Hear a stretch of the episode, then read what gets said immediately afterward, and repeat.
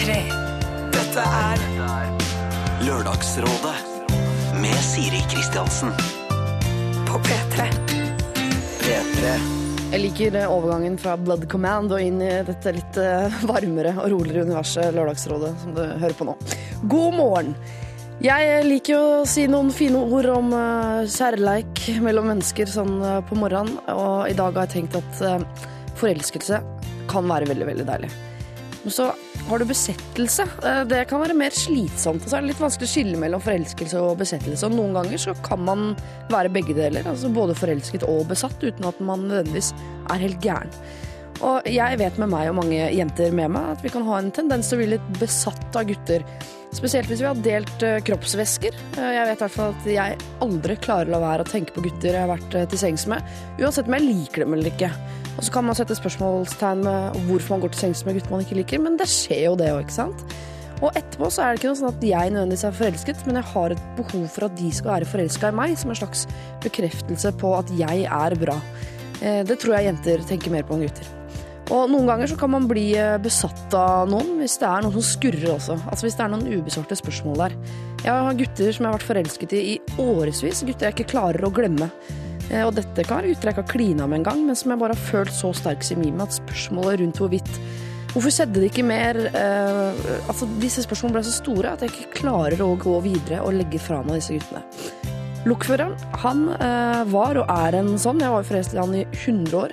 Og mange vil vel si at det gikk over til å bli en slags eh, besettelse. Men den var jo basert på forelskelse, og jeg var hellig overbevist om at vi var perfekte for hverandre.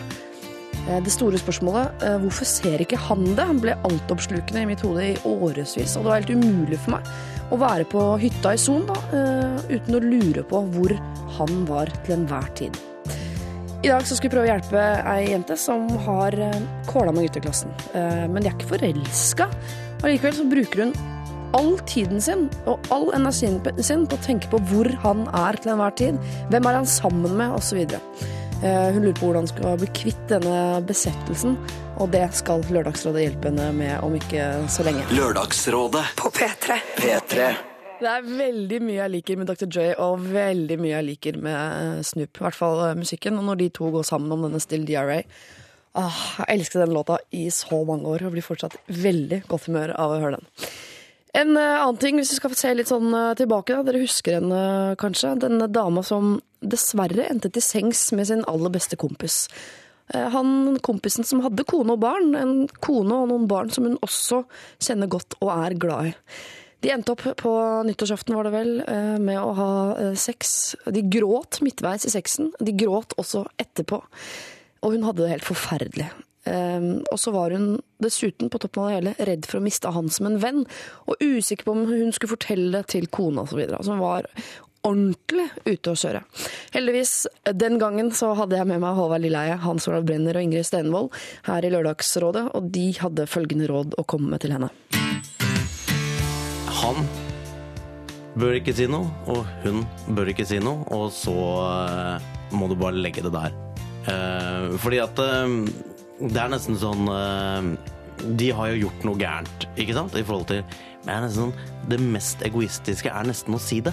Men den ultimate straffen etter utroskap er å leve med sin egen dårlige samvittighet. Hvis, hvis det er så i hermetegn enkelt at, eh, at dette blir ikke noe mer, det var noe som skjedde Hun har jo for så vidt ingen forpliktelser, bortsett fra som hun sier, hun er også venninne med kona hans. Selv om det er et svært tillitsbrudd, så er det jo et hendelig uhell òg, når man tar liksom i betraktning dette slags eh, Ja, men jeg mener dette det feltsengsystemet som de har lagt opp til. Så må Jo, vi jo liksom det må, det må sluttes. Det, det må må slutte, men vi må jo ha en viss forståelse for at dette har kunnet skje. Ja, Da er ligger det kortet at det kommer til å skje. De har hatt et vanskelig ekteskap, og det er sikkert en grad av desperasjon her. Altså man skjønner, Jeg har en viss forståelse for at eh, det ligger snublende nær.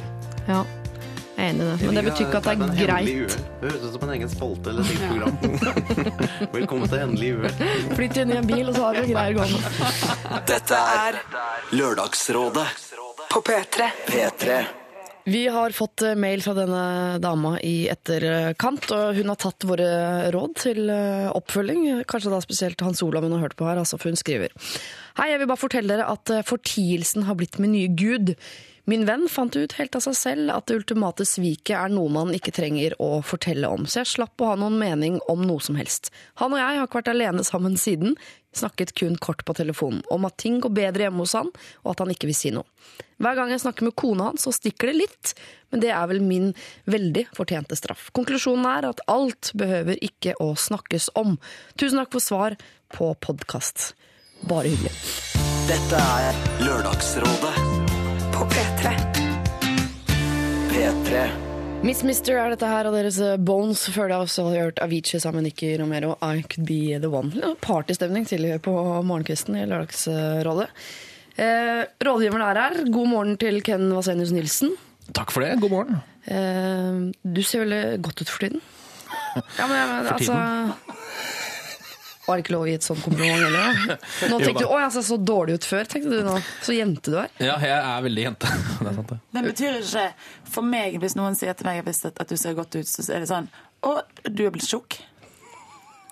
Er det det det er- betyr? Du er ikke blitt tjukk, men det er sånn hvis at en mann går bort til en Eller hvis et faren eller noen sier så, sier sånn Gud, du ser godt ut. Da tenker vi jenter med en gang sånn Ja, jeg er blitt tjukk. Er det sant? Det må være noe Jeg er Bergens eneste som eh, rela- tenker det. Ja, jeg tror det må være noe Jeg må bare bergensgreier. beklage. Gabrielle er det som eh, snakker. Hun begynner å bli husvarm. Du hadde jo P3-morgensending i helga i tre timer, og her sitter du igjen. Folk har ikke fått dosa. Det er veldig hyggelig. Jeg, eh, jeg har ikke invitert meg sjøl, men jeg, det er nesten sånn at det kan virke som Og ikke ser du godt ut heller, hvis jeg skal altså, bruke bergensspråket. Einar Tørnquist er også rådgiver hos oss i dag. Første gang. Velkommen. Gratulerer. Takk, jeg ser godt ut.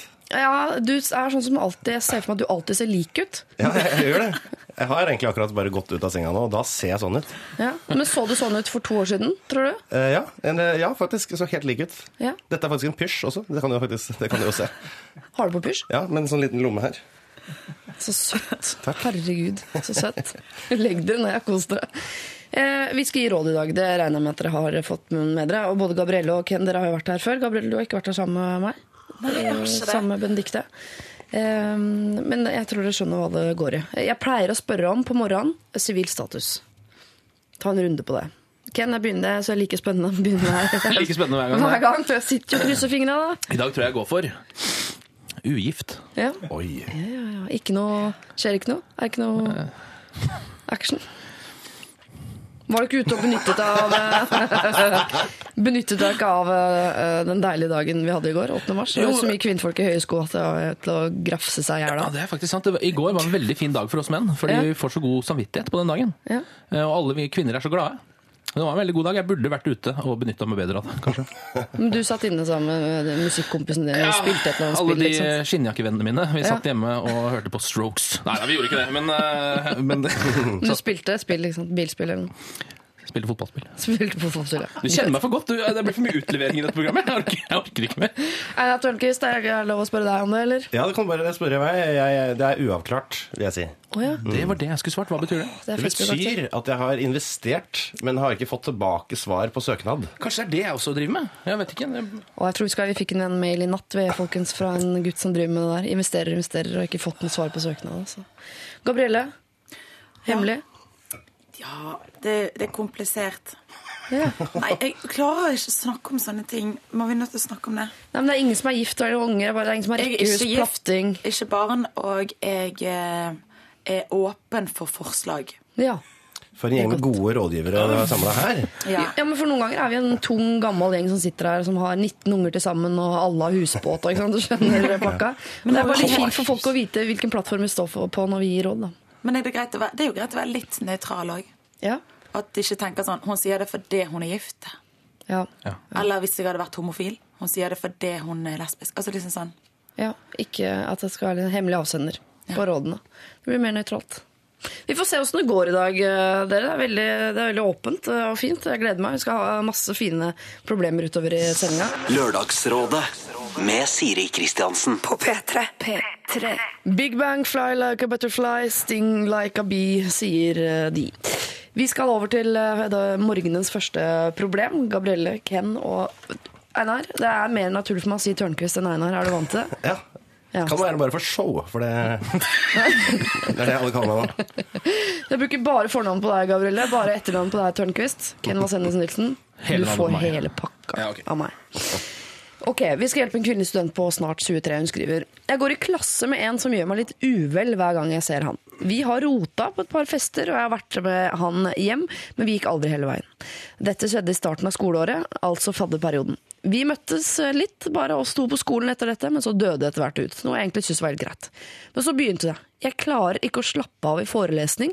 Må alltid vite om han er der eh, eller ikke, hvor han sitter, hvem han eh, sitter sammen med osv. Dette er ganske slitsomt, og utover dette eh, har det vært dager hvor han overser meg fullstendig, mens andre dager hvor han smiler og sier hei. Sånn har det vært i et par måneder, og vi har forelesning hver dag. Etter en stund gikk dette over, og jeg tenkte ikke så mye over det, men nå har det startet opp igjen. Og dette er noe jeg ikke har kontroll over, det bare skjer. Hvordan kan jeg slutte hele tiden med å ha, øh, prøve å ha kontroll på hvor han er og hvem han er sammen med? For min del er det helt uaktuelt, og snakker man om det, vet uansett ikke om det hadde hjulpet-. Så hva annet kan jeg gjøre med denne situasjonen? Hilsen kvinnestudent, snart 23. Altså hun, øh, hun påstår og mener hardnakket at hun er ikke interessert i denne gutten. Men hun, hun føler at hun må ha kontroll på hvor han er til enhver tid, hvem han er sammen med. Så det ligger jo en eller annen slags eh, Jeg vet ikke hva jeg skal kalle det en besettelse eller hva, i dette. Altså, det her var jo alle symptomene på forelskelse, og eh, det var veldig underlig at hun ikke ville vedkjenne seg det, da. Ja, ja. Altså, dette betyr, er, det, er vi i diagnoseland? Ja, jeg føler jo at uh, her, Det er jo noe som skurrer. Ja. Men det er jo alltid noe som skurrer, på en måte, når det kommer til dette her med kjærligheten. Men eh, hæ? Sånn at hun alltid må nødt til å vite liksom hvor han er, og hvor Det er jo ikke normalt det hvis ikke du Nei, men hvis ikke du liker han, eller hvis ikke du er opptatt av liksom Nei, det, dette syns jeg var rart. Det var vanskelig. Nei, ikke rart. Du er ikke rar, men det var uvanlig. Men kan ikke være eh, altså Hvis de har rota litt, og så har det gått, det har bare gått over De har aldri egentlig tatt den praten sånn Hei, skal vi prøve dette, eller skal vi ikke prøve sånn? Det bare sklei ut. Da kan man jo bli sittende igjen med masse spørsmål som gjør at eh, man syns hele situasjonen er så uforløst. At man da får et sånn kontrollbehov på sånn Ikke at man på en tirsdag sitter hjemme i sofaen og er sånn Jeg lurer på hvor han er, men i forelesning lurer på Sitter han bak meg, foran meg, høyre, venstre, hvem sitter han sammen med? At man har en sånn derre Ja. vaktbikkjebehov. Jeg kjenner meg kanskje litt igjen i det. For jeg tror det er litt sånn hvis man er på et eh, Hvis man går på et universitet da, eller en høyskole, sånt, så er man liksom eh, sammen med, disse, eller sammen med de samme menneskene hver eneste dag. Um, og hvis det er én der som man er litt ekstra opptatt av, så er man jo, vil man jo vite hvor den personen er. Ja. Og hvis det er hver eneste dag, så blir jo det veldig slitsomt. Sier hun ikke at hun ikke er interessant? Ja, men det høres litt selvbedragersk ut, Ja, jeg synes eh, det høres jeg. ut som hun er litt sånn at hun, at hun vil ikke innse det. Men hør her, det, man kan, kanskje hun tror at det ikke går an å ha følelser for henne når det har gått så lang tid og de ikke har vært sammen. Men det kan jo hende det satt skikkelig dypt det som de hadde når det var. da. Og så nå liksom plutselig kjenner hun. For jeg har opplevd at det kan komme tilbake. Og så forstår du ikke egentlig symptomene før du på en måte sitter der. Men ja, for jeg syns det høres ut som hun er litt keen på han. Mitt råd, mitt råd hvis jeg, da skal jeg oppføre meg sånn som sånne gatemisjonærer. Ja. De sier alltid at du skal åpne hjertet ditt for Jesus. Eh, jeg syns hun skal åpne hjertet sitt for at hun kanskje er hypp på denne duden. Eh, ungdomsspråk. bare Veldig. Gratulerer, får ekstra Takk. penger for det. Eh, og, og gi det rett og slett full gass en liten stund, og så ser vi hva som skjer da. For da blir det i hvert fall avklart. Ja. Ja, det er ikke så dumt. Mm. Nei, ikke gå sånn, det går ikke an. Du blir gal av å gå sånn som det der. er. Og, ikke, og bare skulle være sånn opphengt i han. Ja. ja, Kanskje det blir lettere for henne hvis hun faktisk sier at jeg er forelska i en fyr. Det er derfor jeg sitter og ser etter den. Ja, for det, det tror jeg kanskje Jeg kan tenker Jeg tenker på en måte, ja, lar seg tenke at Lar seg tenke sånn Ja, men vet du hva, jeg er forelsket. Og se hva som skjer da. Kan det hende det går over. Ja, Det er ikke sikkert det er forelskelse engang, men at hun bare må Nei. finne Hun må gå hele den løypa som de var på vei. Da. De drev jo klina og holdt på å møtes på skolen og sånn. Og så bare eh, så døde det etter hvert. Noe jeg egentlig syns var helt greit, sier hun da. Kanskje ikke det var helt greit? Egentlig syns jeg det Ja, er helt greit. Ord som egentlig sier veldig mye, altså. Og kjærlighet er mer enn forelskelse. Får han mer penger på den òg? Gøy du skulle si det, for det er det vi skal spille. Men burde hun ligge med han, eventuelt? Definitivt. Jeg anbefaler alle kvinner å ligge med så mange som mulig. Jeg er helt uenig. Ja. Pokker. Gi oss en sjanse. Nei, men vet du hva? Jeg føler det å ligge med noen bare for å finne ut det, det er på en måte helt feil ende å begynne i. Det, det mener jeg nå. At jeg syns at hun bør finne ut om det, om de syns det er gøy å være med hverandre på skikkelig. Ja. For det, det å våkne opp sammen og liksom ha sex, det er ikke sånn at du Ah, det er liksom fint. Det er så fint, vet du. High five again. Hvem er det jeg sitter her med? Jeg kom i feil panel. Det er jo dagen derpå for kvinnedagen. De er jo så fulle av frustrasjon at det er krise. Det var en frustrerende dag i hele år. Ja, I går var det mye bilspill og fotballspill rundt om Ja. Ja, Nei, men ikke, ikke gå hen og ligg med han. Liksom. Du kan jo havne i ulykker. Vi må være forsiktige. Men man trenger jo ikke å gjøre det, fordi det den dama trenger å gjøre, er jo å kanskje ta kontakt med en person på en av de tusen studentfestene, som sikkert Ja. er bare i løpet av dagen i dag. Eh, og så se eh, om det er noe som helst interesse fra den andre siden, og se hvordan det funker. Er det noe gøy når man går bort til han? Kan vi stå sammen og drikke en øl, eller blir det kleint? Hva er det som skjer? Ja. Føle litt på det. Og så kan det hende at den lille besettelsen går over bare etter et sånt møte. Hvis du merker at her er det faktisk ingenting, hva er det jeg går og tenker på i det hele tatt? For det verste er jo å holde seg unna noen, da vet man jo ikke hva som skjer. Det er det. Jeg tror at hun får den spenningen fordi at hun ikke har noe kontakt med han. Ja, jeg tror kanskje det. Jeg tror Hvis at de hadde begynt å snakke sammen liksom, og har fått det sånn no, av Blitt sånn eh, Få bort mystikken. For, ja, mystik- ja, få mystikken. Mm. da på en måte Da tror jeg kanskje at eh, Ja, jeg tror et eller annet. Kanskje dette er litt sånn Monet-problematikk. Altså at uh, han bare ser jævlig bra ut og virker veldig bra på Mm. avstand. Så må han få han litt nærmere for å se at det her er bare fargeklatter satt i Ja. et eller annet system. Um, så jeg er helt enig i det. Hun må oppsøke han i større grad og Mm. åpne hjertet sitt uh, litt uh, mer. Jeg la på noe trøndersk der. Ja, takk for det. Som, ja. Eh, så kvinnelig student. Eh, ta en runde på om du kanskje er litt interessert. Jeg tror nemlig fire av fire her i Lørdagsrådet i dag at du kan være. Eh, men om det er riktig å være eller ikke, det vet vi ikke. Da må du eh, oppsøke han enda mer og være litt sammen. Ikke sitte og skule på han på avstand og, og finne ut om han sitter klokka tre eller klokka to og hvem han sitter sammen og sånn. Du må sitte sammen. Eh, det må du bare ordne sjøl. noen mener at du bør ligge med han. Um, andre, mener, andre mener at det burde du vente med. Ta altså, prat, sånn, prat med fyren først. først. Ja. Ja, jeg ville sagt hei. Hei først, i hvert fall. Dette finner du ut av. Og hvis, eh, hvis du prøver ut noe av dette her, så gi oss en tilbakemelding på hvordan eh, det går. Da. Dette er jo en eh, løpende dialog. En god skole for oss også. P3. Dette er Lørdagsrådet med Siri Kristiansen. Matilda When Something Ends eh, hørte vi der i Lørdagsrådet. Og uh, Slåbrok-mannen han sendte en mail nå klokken eh, 09.35. eh, hvor han skriver Mornings. Dama ble skuffa for at hun ikke fikk noe på kvinnedagen. Har vi kommet dit at vi må gi gaver, eller ta med damene ut på kvinnedagen også? Seriøst, det var jo akkurat Valentine's Day. Hva fikk dere damer på kvinnedagen? Hva ga dere gutta? Lurer Slåbrok-mannen på da. Kan vi begynne med gutta? Einar Tørnquist og Ken Vasenius Nilsen. Ga dere noe til noen damer i går? Nå har Ikke, ikke si det du har tenkt å si nå, Einar, for det passer seg ikke. Ja, så ser vi hva du skal si. Ja. Ja. Nei, jeg, nei, jeg gjorde ikke det. Jeg gjorde ikke det. Du ga ingenting til Nei, noen damer i går? Annet enn omtanke, kjærlighet og, og et smil. Ja. Det er noe av det beste vi kan få, vet du. Klart det. Eh, Gabrielle, fikk du noe som helst i går? Nei. På Nå skal det være sant at Når du leste den, så tror jeg automatisk at han mente at hun ikke fikk seg noe. Nei, fikk. Men det er altså fikk noe gave, liksom. da. Ja, ja. Eh, nei, jeg eh, eh, Hva fikk jeg i går?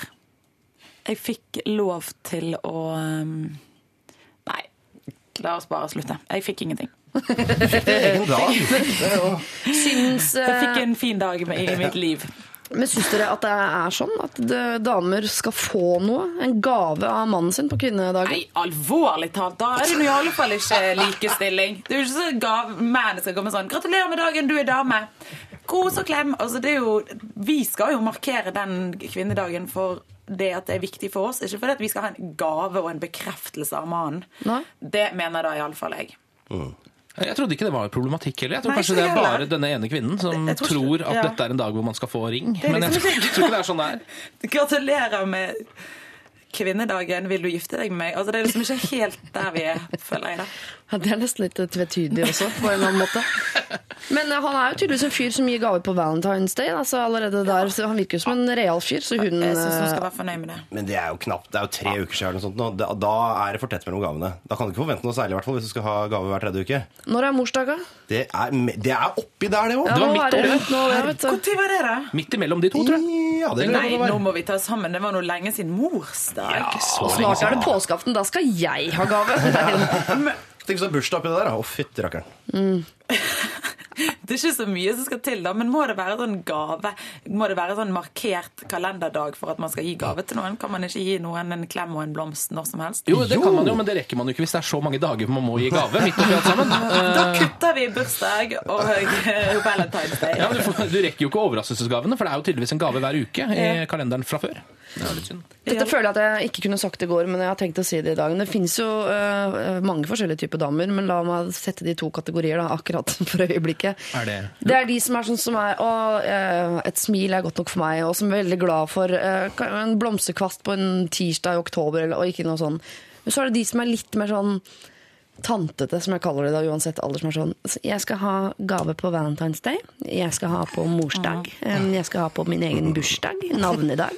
Og som er veldig opptatt av altså, disse datoene, og som helst Og det skal være gave fra uh, Tunekjeden, helst. Hvis jeg kan anbefale en av de kvinnetypene til Ja. eh, mine medmenn, Gjør det. Gjør det. så går jeg for alternativ A. Det, Nei, men hør da. Nå må ikke vi putte hun som sitter og hører på noe automatisk i den ene boksen der, stakkars. Men, og nei, det var jo da, det var han. Det er han som gjør vi kan gjøre hva vi vil med. Ja, det er hans skyld. Det er typen Putt som henne i den båten! Men jeg syns at, eh, at det høres ut som noen, den dame kategori to som du remser opp der. Det er sånne damer som går fra forhold til forhold og er sånn derre Ja, alt skal være perfekt og liksom sånn derre Det er ikke sånn det alltid er! Eh, Slåbrokmannen, du høres ut som du har en dame som ikke vil sette pris på denne gaven, men jeg syns det er nettopp derfor du skal gjøre det. Du skal ta en rød sløyfe rundt tissen din, så skal du vekke henne i morgen tidlig og si sånn ta-ta! Dette er til deg. Noe sånt. Ja, men det er det hun trenger. Litt sånn slapp penis i ansikt. Føler jeg at, eh, ja, men det føler jeg faktisk at hun trenger. For å bli rista ut av dette her. Eh, kort liten runde på deg, Slåbrok-mannen. Hun er skuffa. Vi er skuffa. Du bør være skuffa. Lørdagsrådet På P3. Rihanna og hyllesten hun har til eh, S&M. Vi har fått inn eh, en eh, SMS, kodeord P3 til 1987 fra ei gladjente som skriver Damene fikk champagne på jobb av herrekollegaene, skriver hun med utropstegn. Eh, Her i P3 fikk vi jo da muligheten til å jobbe litt ekstra, vi som er kvinner. her i P3. Til og med du også. Du Ja, måtte trå til i går, Gabrielle. Men det der er sånn som menn sitter og ler av damene når de går inn på det andre rommet etterpå, sier de Nå blir de glad fordi at de fikk champagne, og så egentlig bare er det vi som styrer hele denne verden. Suck on that. Det er litt sånn menn tror, tenker, tror jeg. De ler litt av oss damer fordi vi er sånn enkle og sånn. Vi jeg vet det. Sjå hei.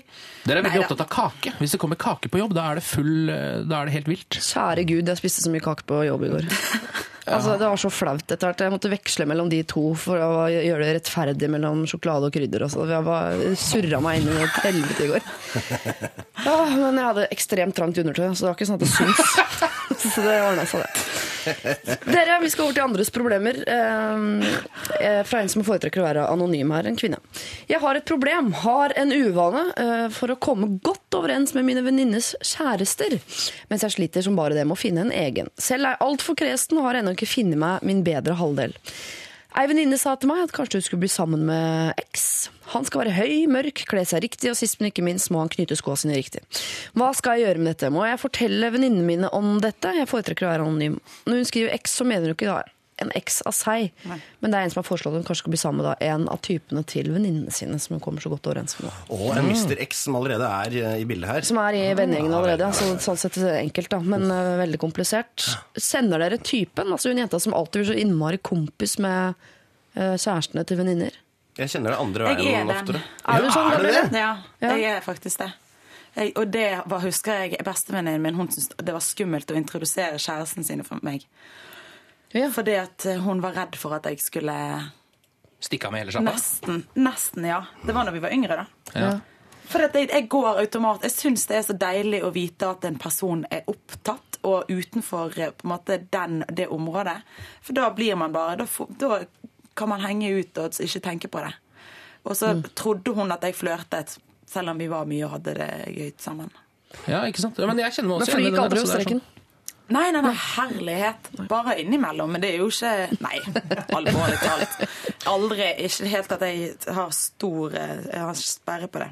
Men det at hun er eh, fort blir venn med sine venninners kjærester, bør vel ikke hindre henne fra å jakte på sin egen kjæreste i tillegg? Gjør det det? Nei, nei, nei. Her Det er er, jo pose og sekk. det eh, er jo bedre det enn å ikke jakte på noen og bare være med kjærestene sine. Nei, Ja, akkurat. kjæreste- Det kommer men det kommer litt an på han nye altså Hvis det blir en ny type her Si Mm. han heter Sigurd, eller Lorang. Si Lorang kommer inn i Lorang, bildet. Eh, kanskje Lorang ikke syns det er så stas med alle disse X-typene, da. Som, Mm. Det kan jo være et problem. Eller alle disse venninnene sine kjærester som hun er med. Ja, akkurat det var det jeg mente som X. Ja, det var det du mente. Mm. Oh, ja, alle disse X, ja. Ja. Ja. Ikke, ikke, det var veldig forvirrende at det ble kalt X. Nå ble dette matte. Det er Ja. mye matte her La oss si Y, bare for å gjøre det mindre matte. ja, mer mandig.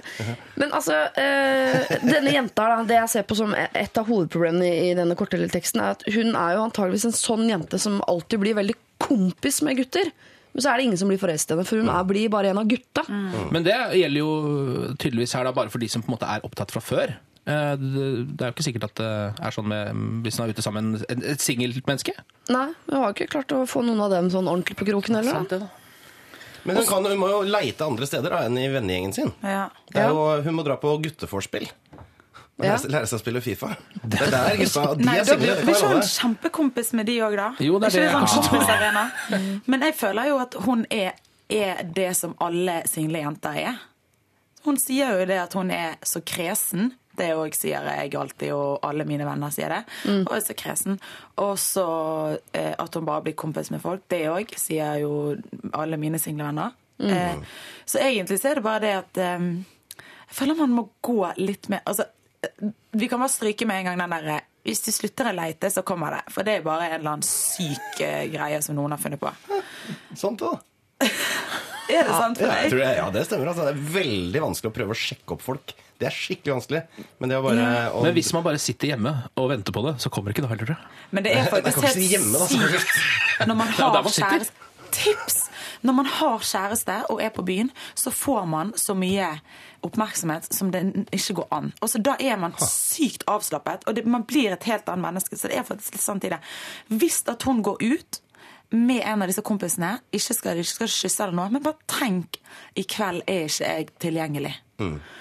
For da tror jeg kanskje at hun vil bli litt mer avslappet. Men jeg sier ikke hun skal treffe drømmemannen sin på byen. Jeg sier ikke det. Dra på byen med en stor, muskuløs mann og en barnevogn.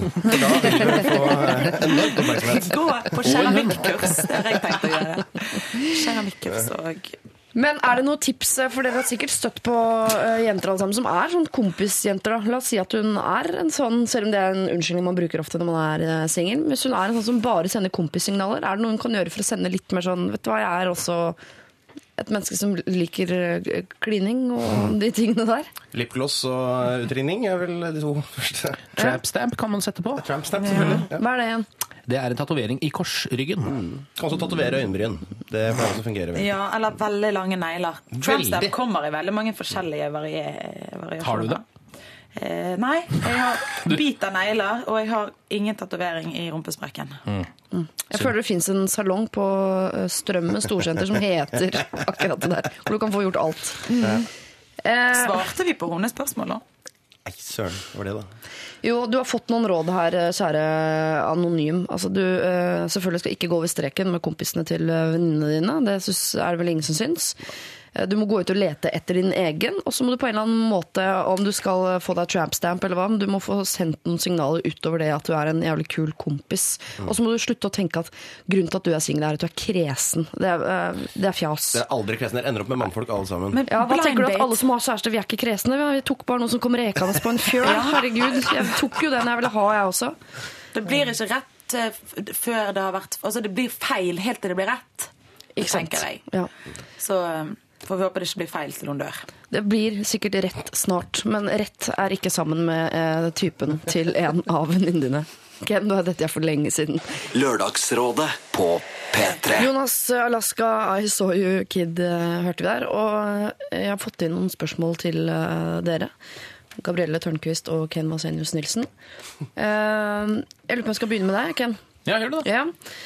Eh, her er det en som hører mye på P3, tydeligvis, som også hører på Martin Beyer-Olsen live, hvor du jo er med hver søndag, eller? Innimellom, eh, innimellom. Jeg er med i morgen, for eksempel. Ja, med i morgen, for eksempel, ja. Eh, Du sier jo i Martin Beyer-Olsen live at du er god på å frastøte kvinner, men hva gjør du for å sjekke dem opp, og hvem er hun helst? Oi, det tror jeg ikke jeg, jeg tror ikke jeg har svaret på det, faktisk.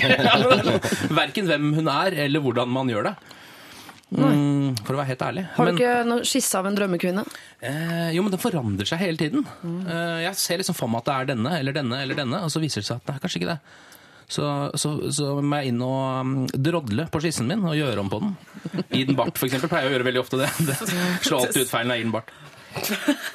Hvis du kunne ha lagd henne i et eller annet eh, cyberspace, da, jeg har jo alle sett filmen, um, hvordan hadde hun kommet ut da på, i 3D-print? Eh, er det ut... Det er veldig sånn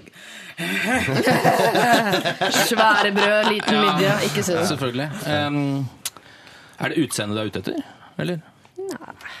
Er, det er det. Nei, Er det det du er ute etter, spør jeg da? Jeg er ikke så nysgjerrig på hva du liker i personen. Å, jeg liker at hun er ærlig. Ja, det er det jeg mener, for det er ikke noe gøy vi svar. Hva vi liker du utseendet. Ja, men lik, Vil du at hun skal være sånn eh, stille og søt, eller skal hun være festens midtpunkt? Skal hun danse eller drikke øl, eller? Skal danse og drikke øl, Ja. eh, og ikke være festens midtpunkt, kanskje, men være eh, morsom. Ja. Er litt viktig. Men trenger ikke å være, liksom sånn, trenger ikke å være masete heller. Nei. Det kan... Hva er det du ler av nå, Einar? Nei, jeg bare, det var gøy at du liksom du var så, var så, At jeg ikke liker masete Du jenter? høres ut som en fyr som begynner å klage på at eh, Ja, du er morsom, men uh, nå måtte du vært. Ja, det gjør jeg nok innimellom også. Så det er sant, det. Ja. Men du er jo skada, stakkars, av å jobbe her i P3, hvor det er mye maste damer. Ja, det, er er nok det det går På på. Jeg kjenner veldig mye masete Du vil ikke ha en P3-dame som maser mye? Det er ikke alle P3-damer som maser så mye. altså. Sånn, Siri er ikke så masete, egentlig. Hvilken P3-dame vil du ha hvis du skal velge? Du vil ha Siri! Å, det er gøy spørsmål! Si meg, så tupper jeg deg Jeg, hva da? Jeg vil jo ha deg, Siri. Nei, nå gjorde du det altfor lett. den kunne jeg sett for lenge siden. Vi har veldig god kjemi. ekstremt god kjemi. Dere har for se. Jeg så dere klina her i stad. Ja, ja, sånn kan det gå. Tørnquist, eh, en som eh, spør her. Hvor dukket du opp fra plutselig? Veldig kort. Det er et veldig kort spørsmål. Jeg syns ikke det er så dumt, fordi plutselig vet alle hvem Einar Tørnquist er. Men hva gjorde du er kommer du fra gartnerbransjen, eller hva? Jeg er vernepleier. Eh, Jeg kom rett fra en bolig for eh, psykisk utviklingshemmede. Men jeg, jeg var jo jeg er også trommeslager. Jeg spilte trommer på det Storbynatt med Bård og Harald. Og da fikk jeg en, eh, noen bekjente i bransjen. Ja.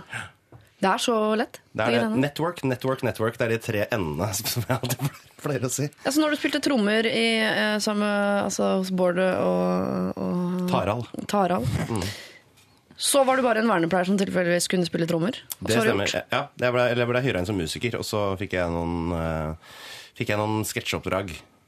Ja, for, du, for det kommer vitser underveis i tromminga. Da tenkte folk han kan tromme og er morsom. Oi, for drømmemannen, tenkte jeg. Ja. Og han har bart. Ja, er det fordi du har litt artig fjes og bart? Tror du du kommer langt med det? Jeg tror det hjelper litt på. Det er litt avvæpnende. Ja, det er det, altså. Jeg har et veldig sint fjes eh, og ikke bart. Det har ikke blitt det samme. Nei, virkelig ikke. Jeg tror aldri du kan ta den barten. Altså, Den kommer du til å måtte ha resten av karrieren din, akkurat som Halvard Flatland. Ja, men nå fikk jeg veldig lyst til å ta den. nå er det en utfordring. Men så var veien da kort til eh, VGTV, og så nå over til, til Norge, eller Max. Ja, jeg er jo fortsatt på VGTV, går i reprise på Max. Reprise på Max. Mm. Eh, og videre derfra, da. Da tenkte jeg skulle over på Dagbladet-TV og gå i reprise på fem. Det er litt for gøy, faktisk. Litt for gøy. Det er for gøy. Ah, eh, Gabrielle, du skal også få en, eh, et spørsmål her. Håper du Håper du at du får være med i hver gang vi møtes noen gang? Hva lo du når du sa Jo, det her syns jeg er et morsomt spørsmål. om jeg håper jeg får lov til det? For det, det Spørsmålet er jo ikke om du har lyst til å være, gjøre det nå. men Om 15 år kunne det vært ålreit. Men det spørsmålet er jo veldig sånn ladet om at jeg ikke har fått lov til å være med ennå. Det er noe som antar at jeg aldri har fått den forespørselen. Um, nei, jeg um, Om jeg håper at jeg får lov til å være med, kan vi heller liksom vri det til at om jeg kunne tenke meg det, kanskje? Ja gjør det du. Veldig avgjørende. Jeg, jeg syns jo på en måte at eh, eh, Ja. ut. Altså, alle skal aldri si aldri. Det kan jo hende det er gøy en gang. Ja. Vi vil jo gjerne høre Varg Vikernes covre Bordet. Ja. Men ja, det er litt den der altså jeg har jo ikke, Nå har jeg én skive ute, liksom. Det er litt kjedelig å bare covre den. Så når jeg har gitt ut noen album, da blir det kanskje litt mer stas. Ja. Um, så um, Og så tror jeg Den tankerekka der føler jeg at noen burde ha tatt Burde før tatt den sesongen før, i år. Ja. Jeg tror det, Og så tror jeg òg at jeg syns det hadde vært fint å kunne uh, sitte meg ned og få lov til å vite hvem jeg eventuelt skulle covre. Ja. Før jeg skulle vært med. For det er litt sånn uh, Det kan fort gå feil vei. Men jeg tror det har vært fryktelig gøy da, med deg i hver gang vi møtes. For det er jo å se folk med kassegitar covre andre folk med kassegitar, er jo per definisjon ganske kjedelig. Det er, jo, jeg vil, det er jo bordet jeg vil høre med Ole Paus, liksom. Ikke en annen sånn Reitatti-teita-låt. Ja, men det jo er ikke noe veldig gøy. utfordrende. Vi har faktisk en, eh, en eh, Abel-låt i settet som vi har covret. Og det er jo ikke med kassegitar, for å si det sånn. Um, Er det elgitar, da? Eller? Da har vi på en måte fått inn en eh, akustisk elg. Nei, det er Ja. Nei. Altså, uansett. Sjo hei. Kanskje en dag også. Kanskje Ja, jeg sier aldri aldri. Men Etter hvem ville, plate du fem. vært, hvem ville du vært der sammen med hvis du kunne velge? Å, det er et deilig oppfølgingsspørsmål. Jørn Hoel, derfor du har Steinar Albrigtsen. Thomas Åh, Jeg ville vært der sammen med Kanskje Kanye West. Kanye West. Kanye West Ambisiøst. og eh, Muffe og Gakki. de derre tattoo. Eh, og eh, De hvor, mange er, hvor mange deltakere er vi? Er det ikke sju? Da er vi på tre. Og, nei, er det så mange som er med der? Ja. Herlighet. Og så ville jeg vært der med eh, Hurra Torpedo. Cover av cover. Randi Hansen, da. Kunne du synge kan jeg, 'Hvis jeg fikk være sola di'? Den er veldig fin, syns jeg. Randi Hansen. Ja. Den er den sang som får meg opp om morgenen. i OK. Eh, ja, også Randi Hansen. Du skulle til å si det, ikke sant? Og så sa Einar det bare rett før. Ja, ja, ja. Eh, vi skal gjøre Dømne Boys og enhjørning. Vi- Dukker ikke de opp i hver gang vi møtes, så veit ikke jeg. De kommer helt sikkert eh, en dag. Kanskje sammen med Gabrielle, hvem vet. Lørdagsrådet På P3. P3. Da var eh, House Party et faktum. Dette var Disclosure med Latch, og før det DumDum Boys enhjørning. Nå kan ikke jeg så mye om musikk som Gabrielle Kenvasenius Ken Vasenius Nilsen, og som jeg også har fått inntrykk av at du også kan mye om, uh, Tørnquist. Er du Bråter musikkfyr? og spann. Ja, jeg kan forferdelig mye om musikk. Var det riktig av meg å få house-følelse av Disclosure? Ikke le av meg igjen. Nei, nei, det, det var helt klart noen house-elementer inni der. Ja. Kanskje ikke Jeg vet house. ikke hva house er, men jeg tror jeg ikke liker det. Jeg er ikke vant til at house går i tretakt, sånn som den gjør. Ja, for den er godt da, da, da, da, da, da, da, da, da, da, da. En såkalt eh, Vals. Det var en det- vals du hørte, Siri. En vals. Engelsk vals, var du hørte der? Nei, og nå føler jeg at jeg kommer veldig dårlig gjennom. Hæ? Sorry, ass, Gab. Det var ikke Sorry. mye. Men ja. Er dere ferdige, eller? Ja, beklager. Ja, Vi unnskyld. er på Vi er på radio, skjønner du. Hei, Lørdagsrådet. Jeg er en lykkelig, flott ung mann i tidlig 20-årene. Jeg har et ganske rart spørsmål. Når jeg var under en måned gammel, vokste det brusk ulike steder på kroppen min. Type Ikke le av brusk. ikke, det er hans, Dette er hans ord, det er hans SMS. Eh, På kroppen min, type misfoster, ikke vet jeg. Legene hadde aldri sett lignende. De opererte det vekk, og det kom aldri tilbake. Spørsmålet ligger i at jeg oppfatter verden på en helt annen måte enn alle andre jeg vet om. Jeg har utviklet telepatiske og synske evner, samtidig som jeg kan nesten se Den hellige ånd hver eneste dag. Jeg forstår alt som skjer rundt meg, og ser meningen bak tilfeldige hendelser. Jeg prøver å overse evnene mine, og jeg ser på det mer som en byrde enn en gave. Spørsmålet mitt til dere er Skal jeg oppsøke denne fantasiverdenen, eller skal jeg leve i den samme virkeligheten som alle andre? Altså Det med brusk skjønner jeg ikke helt uklart. hvor kommer inn i bildet. Nei. Men det er en interessant eh, opplysning eh, sett på siden av det som kommer etterpå. Men altså han har eh, altså noen evner ikke folk flest eh, har, og lurer på om det er noe han skal eh, drive mer med, eller prøve å overse. Jeg ville nok klamra meg fast i denne verden så lenge som mulig. Ja. Sånn til å begynne med. Eh, fordi- Av praktiske årsaker. Ehm, Det er mitt råd. Men hvis du kunne lest tankene mine, Einar, Ja. hadde du ikke hivd deg uti det da? Eh, Hvis jeg kunne Ja, men eh, Men jeg tenker sånn Hadde jeg tjent på det? Hvis at han har synske evner Vet du hva jeg sier nå? Vet han hva jeg skal si nå?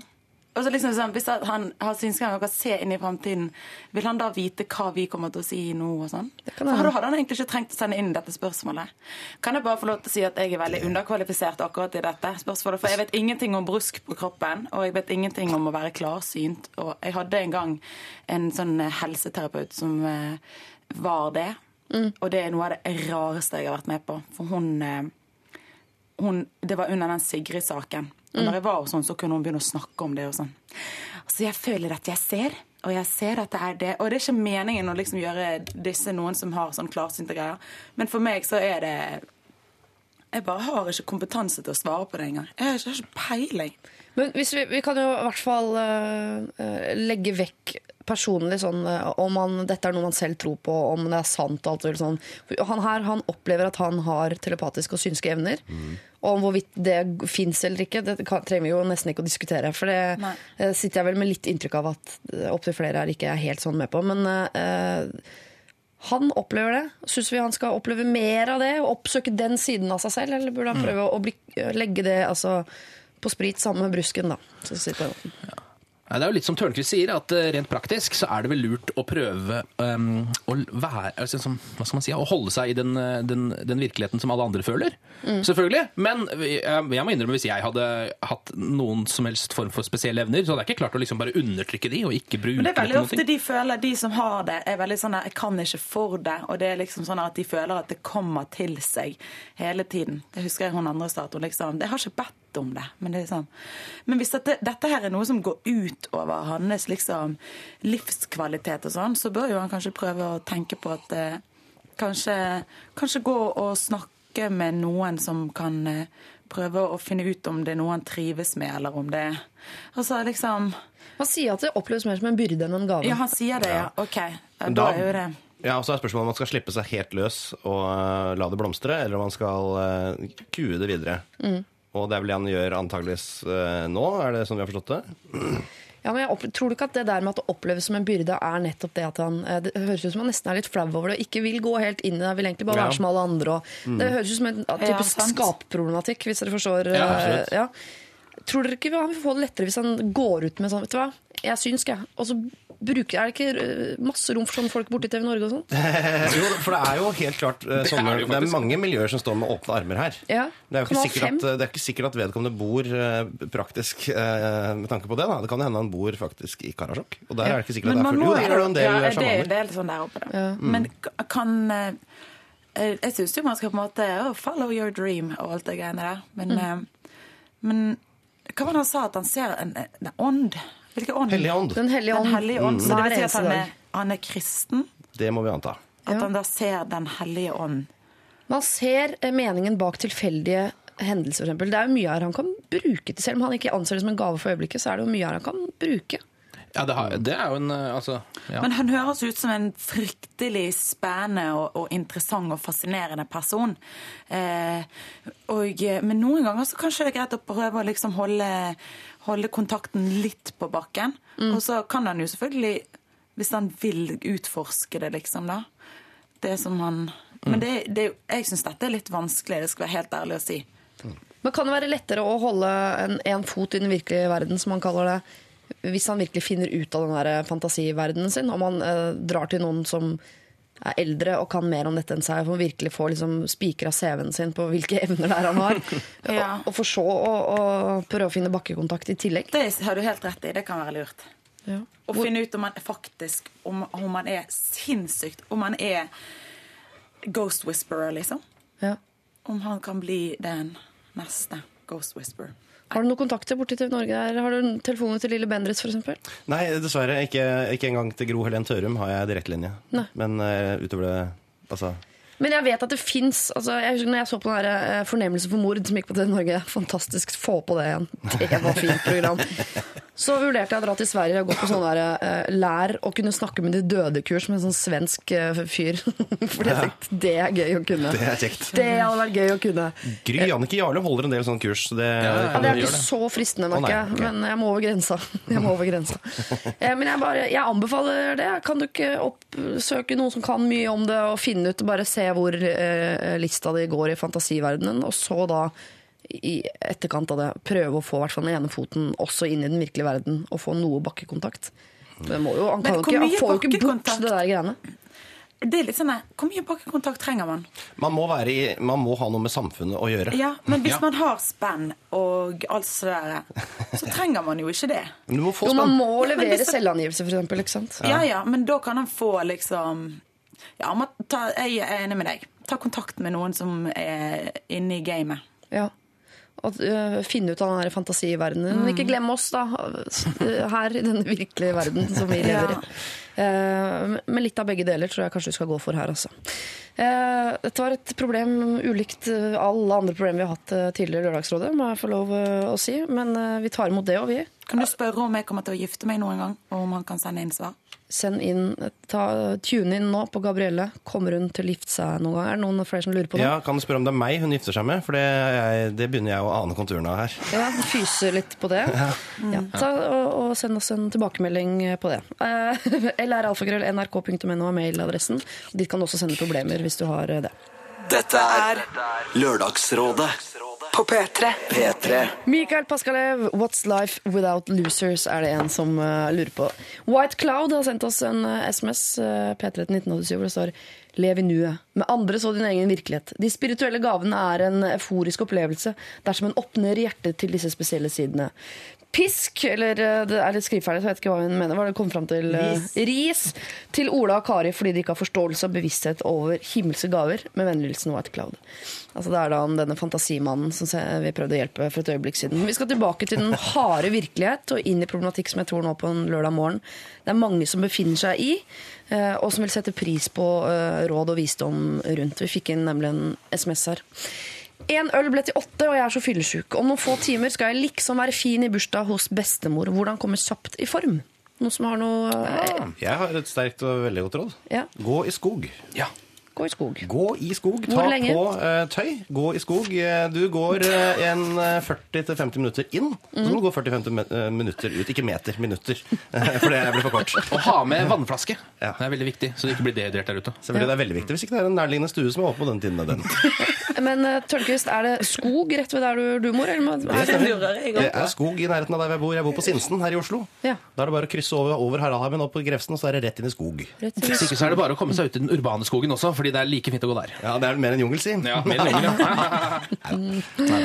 Ken Vasenius Nilsen, har du noen egne erfaringer på området? Eh, litt av det samme. Komme seg, altså Ikke ligge i senga lenge. Prøve å komme seg opp og ut. eh, få i gang kroppen. Fordi jo tidligere man får i gang den, jo fortere går det bort.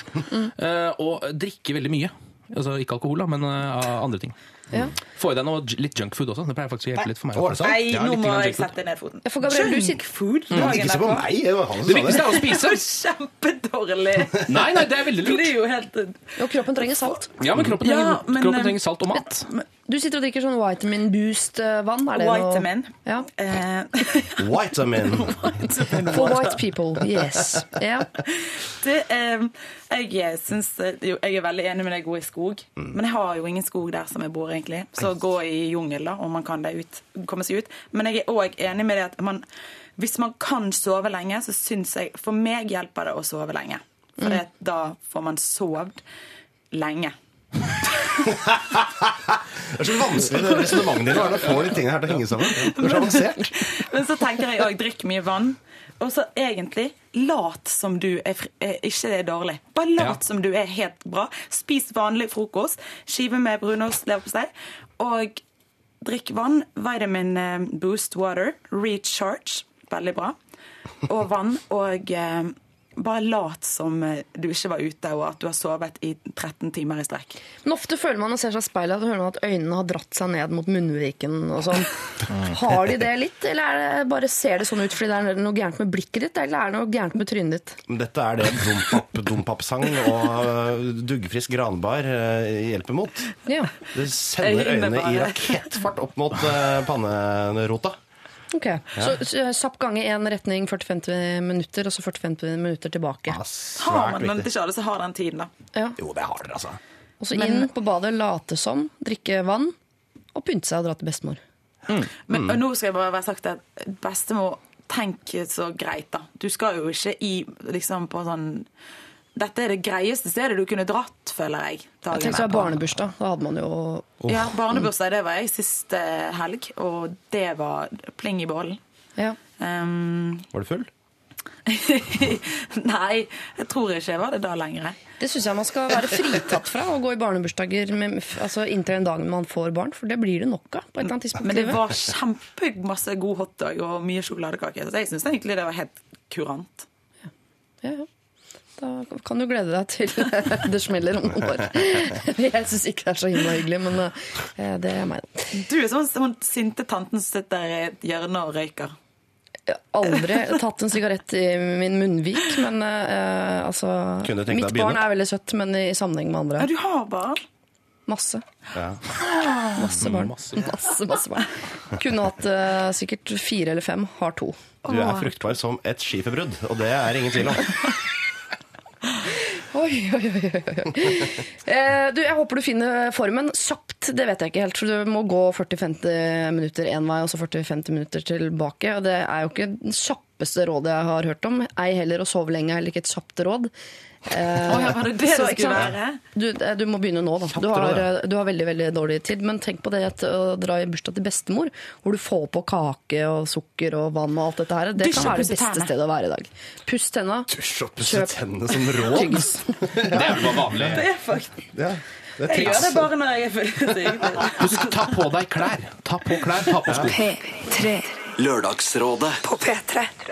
Turboneger, The Age of Pamperius eh, var eh, det der. Lørdagsrådet i dag eh, består av eh, P3s egen Ken Vasenius Nilsen. Hallo. Med kortere skjegg enn vanlig. Det har du allerede fått skryt for i korridorene av meg, at du har tatt, eh, tatt deler av skjegget. Ja, Du liker meg best når, du ser så mye ansiktet som, mitt som mulig. Ja. Det er ikke alle som er enig. Eh, mange mener at jo mer jeg dekker til ansiktet, jo bedre ser det ut. Hvem konkurrerer jeg mot i det greiene der? Um, det er de andre jentene som jobber her i P3. da. Ok, greit. greit, greit. Eh, Einar Tørnquist, eh, som jobber seg rett eh, fra vernepleieryrket via et trommesett inn i VGTV og over på Max. Mm. Så det er veldig er gått. Her er du! Og for å pike hele skiten i dag i Lørdagsrådet. Eh, Gabrielle, som har jo sunget seg inn i alle P3-hjertene. Og også nå eh, snakket seg altså, Nå har du jo vært her i to døgn snart. Det er veldig Ja, veldig det koselig. blir veldig mye. Jeg òg kjenner at nå, eh, nå begynner det å bikke over i nesten Nei. Er du langt bak i back-katalogen din nå, sånn rent eh, meningsmessig? så drar de fram de tingene som de ikke ville gitt ut. Jeg sikkert sikker på Hvis du dukker opp her i, på mandag, nå, så er det ingen som reagerer. Tenker sånn, ja, Gabrielle er på jobb, og plutselig så får du feriepenger og pensjonspoeng, og det er så deilig. Men jeg syns det er veldig gøy å bli invitert her, og ja, tjo hei. Det er er en god koselig. Jeg skal lese et påskerelatert eh, problem, eh, og det var jammen på tide at de kom. Eh, det nærmer seg påske, og jeg merker at kroppen vil til fjells. Jeg er 23 år og singel, og har en kompisgjeng bestående av mange som meg. Familien min har en hytte ved Sjusjøen, og der er det sykt fint rundt påske. Har vært der masse i oppveksten. Mamma og pappa er ikke der så mye lenger, fordi mamma er dårlig til beins, og de velger heller å legge mange av sine ferier sydover. Ergo hytta er ledig, egentlig. Så har jeg to eldre søstre. da. De er begge stiftet familie og har til sammen fem unger. Siden disse barna kom til verden, er det som om søstrene mine mener at de har enerett på bruk av hytta. De er der alltid. De har kapret påskeferien og alle andre ferier mellom seg de siste fire årene. De mener at gutteturer for meg og mine kompiser er nedprioritert. At vi kan dra hvor som helst. Hva? Skjønner ikke familien eh, at dette er eh, viktig? Man skal Men skal jeg lide oppi dette her fordi jeg ikke har en egen familie ennå? Nå er det mine kompiser som er min familie for øyeblikket, og vi vil på den hytta i påsken. Hva syns dere? Og eh, bare for Sjusjøen, veldig fint. Veldig fint. Ja, Det der er er jo, fint. når du går Birken forbi der Det gjør du ikke. Går du Birken Tørnquist? Jeg har sykla Birken tre ganger, mine damer og herrer. Jeg gidder ikke applaudere. 1998, 99, og to- Det var ikke snikskryting, det var bare skryting. Å, rein skryting, faktisk. Det. Hallo. Jeg er ikke flau over engang. Nei, nei, nei, rett ut. Det. Hvorfor skal jeg kalle det snikskryting? Noen ganger er jo det bare skryt. Nei, det var jo bare skryt det. Det var jo egentlig ganske ukamuflert. Ja, det var det. Si fra om du tar tatt tripperen, da. Si fra når du har tatt tripperen, da. Jeg har sykla den tre ganger, er ikke det trippelen? Eh, Nei, da må du løpe, sykle, gå på ski. oh, sånn. Nei, det blir for mye. Samme år. Eh, Forrige gang var i år 2000, så den tida er forbi, altså. Så du skal bare ikke føle deg god med noe som helst. Det er sånn jeg har det i livet mitt. Problemet er Ja, Unnskyld. Hva skal denne gutten si til familien sin? Han får ikke lov til å bruke ut, han, for det er visst ikke så viktig med, med kompiser. Kanskje han kan prøve å forklare det som han gjorde nå? Akkurat til å si det. Si, forklare hvor viktig det er for han. For det er ikke sikkert de tenker så mye på det. Og Nei. hvis han sier det, så må de i hvert fall tenke på det, for hvis ikke så er de jo dårlige mennesker. Si det, Dra fram gjerne barndommen. Si det at 'Å, jeg har da alltid hatt det så kjekt der, og jeg savner jeg vil tilbake', og, og 'dette er så viktig for meg'. Men, men han skal opp dit og drikke pils sammen med vennene sine. Ja, men og, er det, er, det, er det mye dårligere å gjøre det enn å liksom sende unger rundt omkring på akebrett? Altså, Ja, det er være litt sånn? dårligere. Ja, men hvorfor er det det? Altså, det skal ikke, kan ikke være sånn. hvorfor, hvorfor det? det kan- Lurer du på hvorfor det er Ja, litt dårligere? ja, men det kan ikke være sånn at det er dårligere. Ja, for her, de, de, disse andre de hengir altså, de, sin kjærlighet til disse barna sine og er, er fantastiske. Ja, men Det er jo masse bra bromance som kommer til å foregå der oppe også. Ja. Nei, jeg er på, jeg er på småbarnsfamilienes lag, jeg, altså. Men, Er du? eh, ja, men de, de kan godt porsjonere ut et par helger i ny og ne. Hvorfor skal han dit akkurat til påsken, forresten? Kan de ikke dra dit en helg i Det virker som? For da dra barnehagen stengt, da er man nødt til å finne på noe med de unga. Hvis Ja, ikke så blir man gæren. Ja, akkurat påske, altså. Det er unger og påskeegg og er det, det støtter jeg dem fullt ut. Ja, jeg tenker eh, også på vegne av eh, søstrene og barna. For de barna har jo faktisk mer rett på en hytta, for det er jo de som mm. eh, neste omgang igjen arver den hytta. Så de har jo større grunn til å være der enn kompisene til innsenderne. De kommer aldri til å ta over den hytta. Nettopp. Og hvis det er en kompisgjeng, er det ingen andre gjeng som har en hytte, om ikke på Sjusjøen, så kanskje på Kvitefjell da, eller et eller annet sted som er fint. På Snaufjell. Altså, de er en gjeng. Det må være flere hytter i Det må der. ikke være flere hytter. Jeg har ikke hytte. Nei. Det er ingen, nesten ingen av mine Nå løy jeg. Å ja, du har hytte. Du har flere hytter. jeg har flere venner som har hytte, men de bor ikke på denne siden av landet. De bor på andre siden av landet. Eh, Så det er ikke sånn at alle har hytte. Jeg husker når jeg var liten, hadde vi campingvogn. Ja, kan ikke dra til den, da. Eh, Men det, vi hadde det. Så det var ikke sånn at alle har råd til å kjøpe seg en hytte når de er ung. Eh, Så det, nei, når de er gamle. Nei, når, i familien. Ja. Uff, jeg er så trøtt. Jeg snakker så mye i dag. Gå 40-50 minutter ut i skogen. Men Einar, du mener også at eh, han må bare eh, gå et eh, skritt til siden? At det er disse søstrene som nå, både nå i noen år framover eh, har enerett på den hytta med ungene sine? Nei, Enerett er å ta hjem en primærrett, og de må prioriteres opp her. Det er veldig veldig slitsomt å være forelder. Det er jo Ja. Har du barn? Jeg håper det. Ja. Kan ikke jeg få lov til å være forelderen av oss, da? Eh, For en gangs skyld. Nei, for den er hun. Ja, det er sant Hvis jeg kan slippe, så er det deilig. Altså. Men du har det mest pappaaktige fjeset her med Dan Marten. Ja, Jeg føler sånn her, I påsken så er jo Da er man eh, Da har man ingen sted å putte barna. Nei? Og da er det lurt å ta dem med på fjellet. Så det, egentlig så tenker jeg kanskje han kan eh, Kanskje han kan stikke der en annen helg. Ja, også, Eh, eller, Kanskje de kan leie en hytte et sted. Det trenger ikke være så dyrt når de er så mange. Jeg tenker kanskje at han burde, Hvis han booker seg en eh, si at vinterferien eller en eller annen gang hvor det funker å Mm. bruke den hytta, så kan han på en måte ordne sånn årlig guttetur som de har dit da. Ja. Som alle vet at alltid er da, og den Ja. kommer alltid til å være da, men resten av tida så kan de andre bruke hytta. Men det er veldig spelt spesielt med Det er veldig mye spelt på Det er veldig spesielt eh, hvis at eh, man er der i påsken, for da er det litt varmere og litt finere. Mm. Vinterferien kan ofte være ganske kald. Ofte innmari fint den torsdagen før påsken òg, da. På en måte. Nettopp. Og de, disse er 23-åringer vi har snakk om her. Mm. Jeg antar at hans vennekrets er omtrent i samme alderssjikt. Og det, de kan ta seg fri, stort sett. De jobber på SFO, de studerer. og Det er sånne ting de driver med. Mm, Del Langt hår har de òg. Hæ? Ja, Ofte jobber de på Del de Luca. Er det de som er heavy metal og jobber på SFO vi snakker om nå? Ja. Ja, det, Men Går det an å inngå et kompromiss her, enten da dele ferien i to, eller se for seg at han går i den dialogen da, som ble nevnt her uh, innledningsvis. Uh, hytta betyr også mye for meg, og det gjør kompisgjengen min. De er uh, dessverre per dags dato det nærmeste jeg kommer å ha en uh, familie. Ikke så hyggelig å si til søstrene sine, kanskje, men og, si, Og jeg unner dere påsken på fjellet med kidsa, og det blir sikkert Jeg skulle gjerne vært med, jeg bare er litt bundet på jobb, kan man jo finne på å si. Uh, men kan vi finne et smutthull for meg og min kompisgjeng? Og vi kan gjerne ta det eh, finne det sammen, sånn at alle er fornøyd med når det blir. Går, det- altså, jeg syns det høres fornuftig ut. Veldig bra. Ja, men jeg, jeg, jeg, er så mener, jeg mener det. Gi meg noe motstand. Nei, men kan, Er det lov å være enig, eller? Ja, det er lov å være enig. Ja, ja. Skal bare gå ut på det, da? Ja. Ta så gå, Inngå noen kompromisser. Gå i dialog med familien din. Vis masse forståelse. Og så må du dessverre antageligvis her bare innse at du er litt, litt nedprioritert både nå og i de neste årene. Sånn er det dessverre. Særlig når de er to og jenter på toppen av det hele. Nei, dette er vanskelig. Dette er Lørdagsrådet På P3. P3. Vi har, snakket, eh, vi har vært en tur på påskefjellet og dessverre sagt til en ung fyr med en kompisgjeng at han må bare godta å være nedprioritert hvis han har søsken med barn. Det er de som har førsterett på hytta. Alle er ikke enig i det, altså. Alle har et barn inni seg, noe som dukker opp ekstra når han er på hytte i fjellet, er det en som skriver. Som mener at han også på en måte har eh, barn på sin CV. Eh, selv om han dere nettopp snakket om ikke har pult på seg unger, har han ikke mindre rett på hytta i påsken. Søsken skal dele likt. Her er det noen som eh, befinner seg i samme smørja. Antar jeg. For En jeg 23-åring eh, Jeg er jeg er litt enig med han òg. For jeg var ikke 100 på det at søstrene, hadde Nei, det var egentlig Så- verken du eller Ken var det i hvert fall sånn i starten. Så mente jo dere at han Ja, jeg mener det fortsatt, jeg, altså. Ja, det Jeg lov. syns det det. er fint å dele og ikke bare tenke på seg sjøl. Ja. Jeg bare syns at han skal spørre henne om, eller eh, søstrene om tillatelse. Da de må ha førsteretten. Og så kan de velge å være greie. Ålreit, et kompis, du skal få lov til å ha på pilsparty på Sjusjø. Men en eller annen dag så får jo han også familie, og da må de jo lære seg å dele. Kan ikke bare begynne å legge den kabalen allerede nå? Og han kan jo allerede nå dra opp sammen med de søstrene sine. Problemet er bare at han skal opp og drikke pils. Jeg kjenner han typen er ut og inn, jeg nå merker jeg. Ja. Kan sigg han dra opp der og havne i ulykker og få seg et barn, og så neste år da er lettere å komme på hytten? Nettopp! Det er ikke et råd jeg kan stå inne for som profesjonell rådgiver her i NRK. Men det er greit å si det. Vi skal videre til et annet eh, problem fra en voksen eh, mann. Det er mye manneproblemer i dag. Det er fint.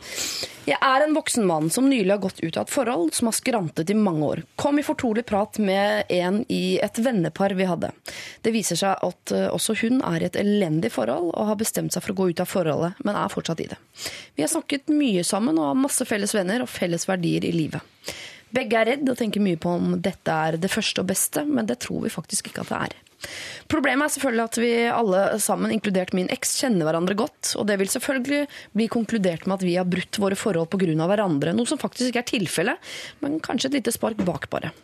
Hun er i forholdet fordi det vil bli spekulasjoner om oss to om vi går ut av forholdene samtidig. Det er ingen barn inne i bildet. Men vi ønsker begge å prøve hvordan vi fungerer sammen på sikt. Hva gjør man i en slik situasjon? Eh, PS, ja, vi har blitt fryktelig glad i hverandre uten at vi har gjort noe galt sånn sett. Skjønner dere? Eh, Altså, har dere bildet tydelig foran dere? Ja, jeg, eller jeg bare lurte på en ting akkurat nå. Han har ikke kjæreste, hun har. Han har gått ut av sitt Ja, forhold, sant. hun er fortsatt i sitt Ja. for at det ikke skal bli så mistenkelig. Men alle parter involvert her er i en slags i- Alle kjenner alle. Ja, ja, ok. okay, Ja. ok, ok. Han vil prøve henne ut, men samtidig få sendt signal om at de har ikke dumpet sine for å bli sammen med hverandre. Det virka som det var en slags liten enighet mellom han og henne om at de var hypp på å teste sånn begge to. Ja. Og, ja, nei, har, men hvorfor har ikke hun da eh, ennå gjort det fullstendig over pga. ungene? At hun ikke hadde Nei, fordi de ikke skal er bli mistenkt- det ingen unger? Jeg spurte ja, om dere hadde det tydelig foran dere. Ja, ja, sa men det. er det Det er ingen barn involvert. Er Hun er i forholdet fordi det vil bli spekulasjoner om oss to om vi går ut samtidig. Kan vi få det skriftlig? Ja, jeg har det her. Men er ikke det bare Jeg syns dette Kan jeg si det? Ja, si det. Nå avbrøt jeg deg.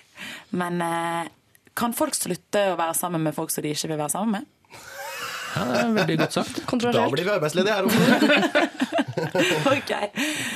Greit, Det er jo det var- de vil. Altså, han har jo gjort det, har gått ut av et forhold, og hun vil jo ut av sitt forhold, hun også. Men hvordan skal de gjøre denne overgangen på best mulig måte? I og med at alle kjenner alle, og det vil bli snakk og spekulasjoner. ikke sant? Det er den ærlige og digge måten å gjøre det på, eller den, den langvarige og uærlige måten å gjøre det på.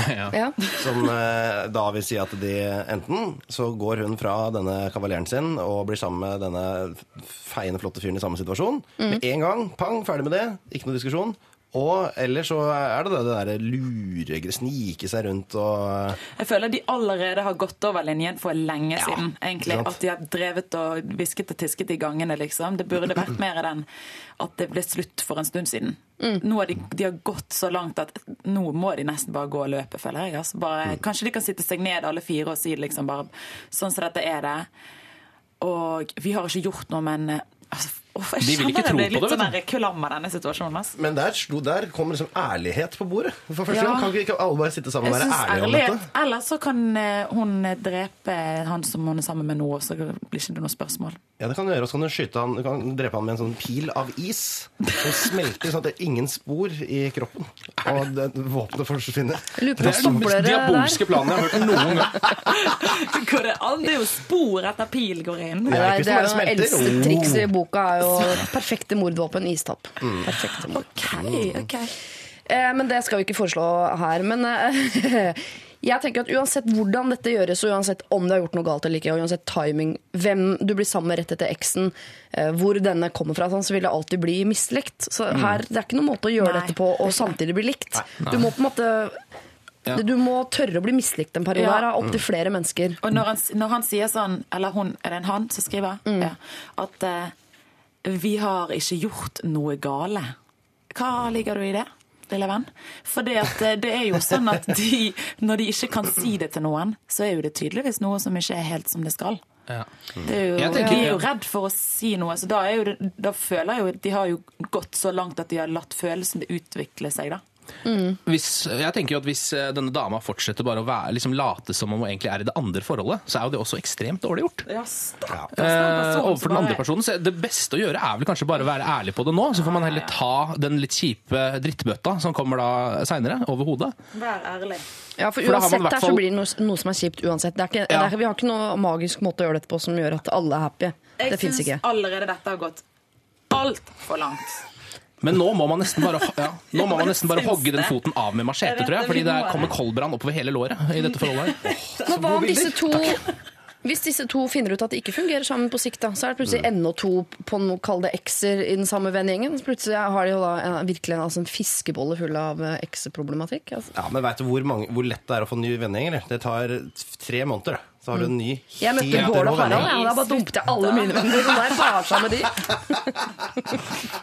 Det er noen gamle venner du vil hilse til? Den første er på radio. Jeg vil hilse til Bård eh, Tufte Johansen og Harald Eia. Kan du ikke hilse til Lars eneste Lent? vennene jeg har. Og Lars Lent, som de dumpa For, for Du er den nye Lars Lent, er du ikke? Grusom fyr du er. Ok, men disse, uh, disse to Det jeg syns jeg hører at dere sier her, er at eh, de har gått langt over streken, og nå må de gå det helt ut. Og må stå i det og være helt ærlige og si åssen det eh, ligger an. Og det kommer, det, selv om det er ærlig, så kommer det ikke til å bli likt, det de sier. Nei. Altså, de kommer ikke til å bli likt. Det kommer til å bli dårligere likt enn Ja, ja, ja. nå. Jeg tror det kommer til å bli litt dårlig stemning. Jeg håper de er skikkelig forelsket. Og jeg håper denne jenten går hen i dag og gjør slutt med den personen som hun ikke har lyst til å være sammen med. Akkurat nå, når jeg sa det nå, så håper jeg hun gjorde det. Men liten- Stakkars han mannen. Jeg merker at jeg er i ferd med å liksom avrunde dette, men jeg må ta en liten runde til. fordi hva baserer de det på? Altså, eh, de har veldig god tone, og de vil ønske å eh, se om de fungerer sammen på sikt, men de har ikke gjort noe galt. Altså, vi, alle vi i rommet her fungerer Ja. veldig fint sammen, men det er ikke sånn at jeg ville ha gått fra mann og barn for å se om vi kunne fungert sammen på sikt. Nei. Altså, Jeg føler at jeg måtte ha liksom klint først for å se er det noe kjemi altså, Jeg tror det er nesten umulig å ikke gjøre noe galt for å se Kan forelskelse bare dukke opp Ja. sånn? Jeg du hva har nemlig, Dette har skjedd med en, en venninne av meg faktisk òg. At eh, det har vært eh, Hun har ikke gjort noe fysisk. Ingenting. Men de har bare snakket sammen sykt mye på telefon og vært sammen litt nesten i skjul. Mm. Og vært bare venner. Det har ikke skjedd noe. Men hun har ikke fortalt noe av dette til han som hun gjorde det slutt med til slutt. da. Eh, og det ble jo ingenting med han nye. Det skal jeg si. Det ble faktisk ingenting med han nye. Det var veldig spennende akkurat da, men det ble ingenting. Så, Mm. Så det går an? Det går an, men, eh, men man, jeg syns Jeg kjenner jeg så synd på den der eh, gutten her som er sammen med en dame som driver og bare går og venter på hvordan hun skal gjøre det slutt med han, liksom. Ja. Men er det noe, jeg bare lurer på sånn, Kan de finne ut av det litt mer før de liksom virkelig før man legger ærlighetskorta på bordet, skal man vite litt mer om det selv? Skal de ha prøvd å kline? Det kan jo være de finner ut. Nei, Vet du hva, det blir ikke oss to. Er det noe vits i å involvere andre på det, hvis ikke det blir de Men først og fremst så må jo denne dama gjøre det slutt med typen Det sin. er Fordi det skal skje For der er det jo ingenting. Hun må gjøre gjøre det slutt, og så kan de snakkes da, og så kan de begynne å være sammen litt. Ja. Og hvis at de virkelig føler at dette er kjærleik, så kan de da kan de holde på med dette, og så kan de gå og si til disse eksene sine liksom Hei, life is life, nå liker vi hverandre, liksom. Mm. Men vær så snill og bare gjør det slutt, da. Med, Eller skal alle sammen dra i sånn swingersklubb og kaste bilnøklene sine i en skål, og så kanskje de har flaks når de trekker eh, Jeg legger forslaget i boksen. Ja, for det- eh, men det kan eh, funke. hun må i hvert fall gå fra typen sin. Men er det, jeg, jeg eh, spør en gang til, er det rom for at de to kan få litt tid aleine før de må konfrontere hele miljøet sitt med at vi har lyst til å se om dette fungerer på sikt? Du Ja, spør om jeg vil Ja. oppfordre til utroskap? Nei! Nei, men etter hun har gjort det slutt, så bør de henge sammen. Kan de få gå på kafé sammen Ja, uten å si selvsagt. fra til folk? liksom? Ja, ja, ja. De kan gjøre det, det kan de gjøre. Da er man fri til Ja. å gjøre det man vil. Men Første skritt, og det mest konkrete skrittet her hun, eh, da, jeg, må, Dette må du videreformidle, da, kjære deg, til hun du ønsker å se om det fungerer sammen med på sikt.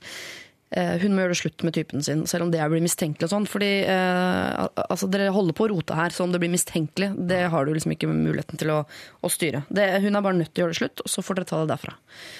Lykke til. Eh, Jeg håper det dukker opp masse fin kjærlighet, og ikke altfor mye sånn uvennskap, i hvert fall på sikt. da. P3 Dette er Lørdagsrådet på P3. P3 Calvin Harris sammen med Florence, dere vet hvem hun er. Sweet Nothing hadde de der eh, sammen. Ekskonen min gikk fra meg og fant tonen med naboen. Det er fint for meg, for hun er lykkelig i den nye kjærligheten. Naboen er god som dagen er lang. I et slikt tilfelle er ærlighet viktig. Med vennlig hilsen en nobel mann. Det er Nobel mann, altså! Det er litt, Så nobelt at det har det er litt nobelt for min Konen min gikk fra meg med naboen, og det er bra for meg.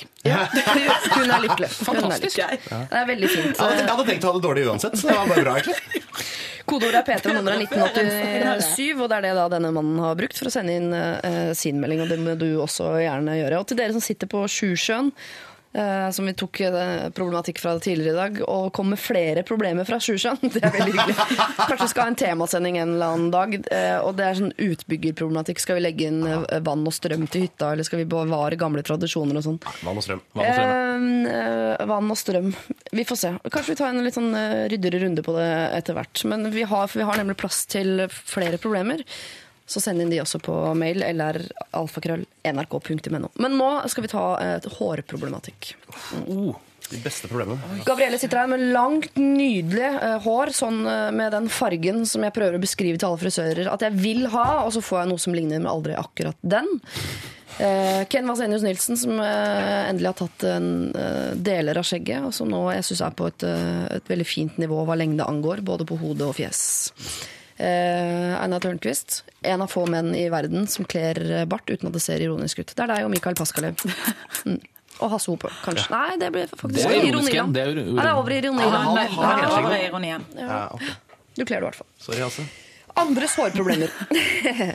Dama mi er nydelig. Vi bor i en nydelig leilighet sammen. Vi har det fint, fint, fint, og hun har nydelig langt hår. For et problem. Det kommer. Oi. Mange av oppgavene hjemme er fordelt uten at de har blitt diskutert. Det er pærer i dag, jeg som skifter lyspærer, hun som skifter på senga. Det er jeg som tar ut oppvaskmaskinen, det er hun som henger opp klesvask. Altså i grove trekk. Uh, ja, i grove trekk. En av, oppgavene, en av oppgavene som har falt på meg, er å rense sluk i dusj. Kanskje en klassisk mannlig jobb. Men det er ikke mine lange, nydelige hår som gjør at dette er en rensejobb som må tas ofte. Det er ekkelt, men hun gjør det jo ikke. Hvem syns dere burde gjøre dette? Damen. Han. Han, han har fått lov til å Han har Hun bytter sengetøy, og han bytter Skifte lyspærer! Det gjør du én gang i året. det. Skeiveste fordelinga jeg har hørt om. Har du prøvd å skifte på sengen, liksom. Om jeg har prøvd det, alle, alle har prøvd det. Ja. Men å skifte Ja, som du sier. Sinnssykt stor forskjell. Mm. Men har du òg vært nedi en sluk med hår? Absolutt. Å, fy fader, så ekkelt det er. Og det stinker.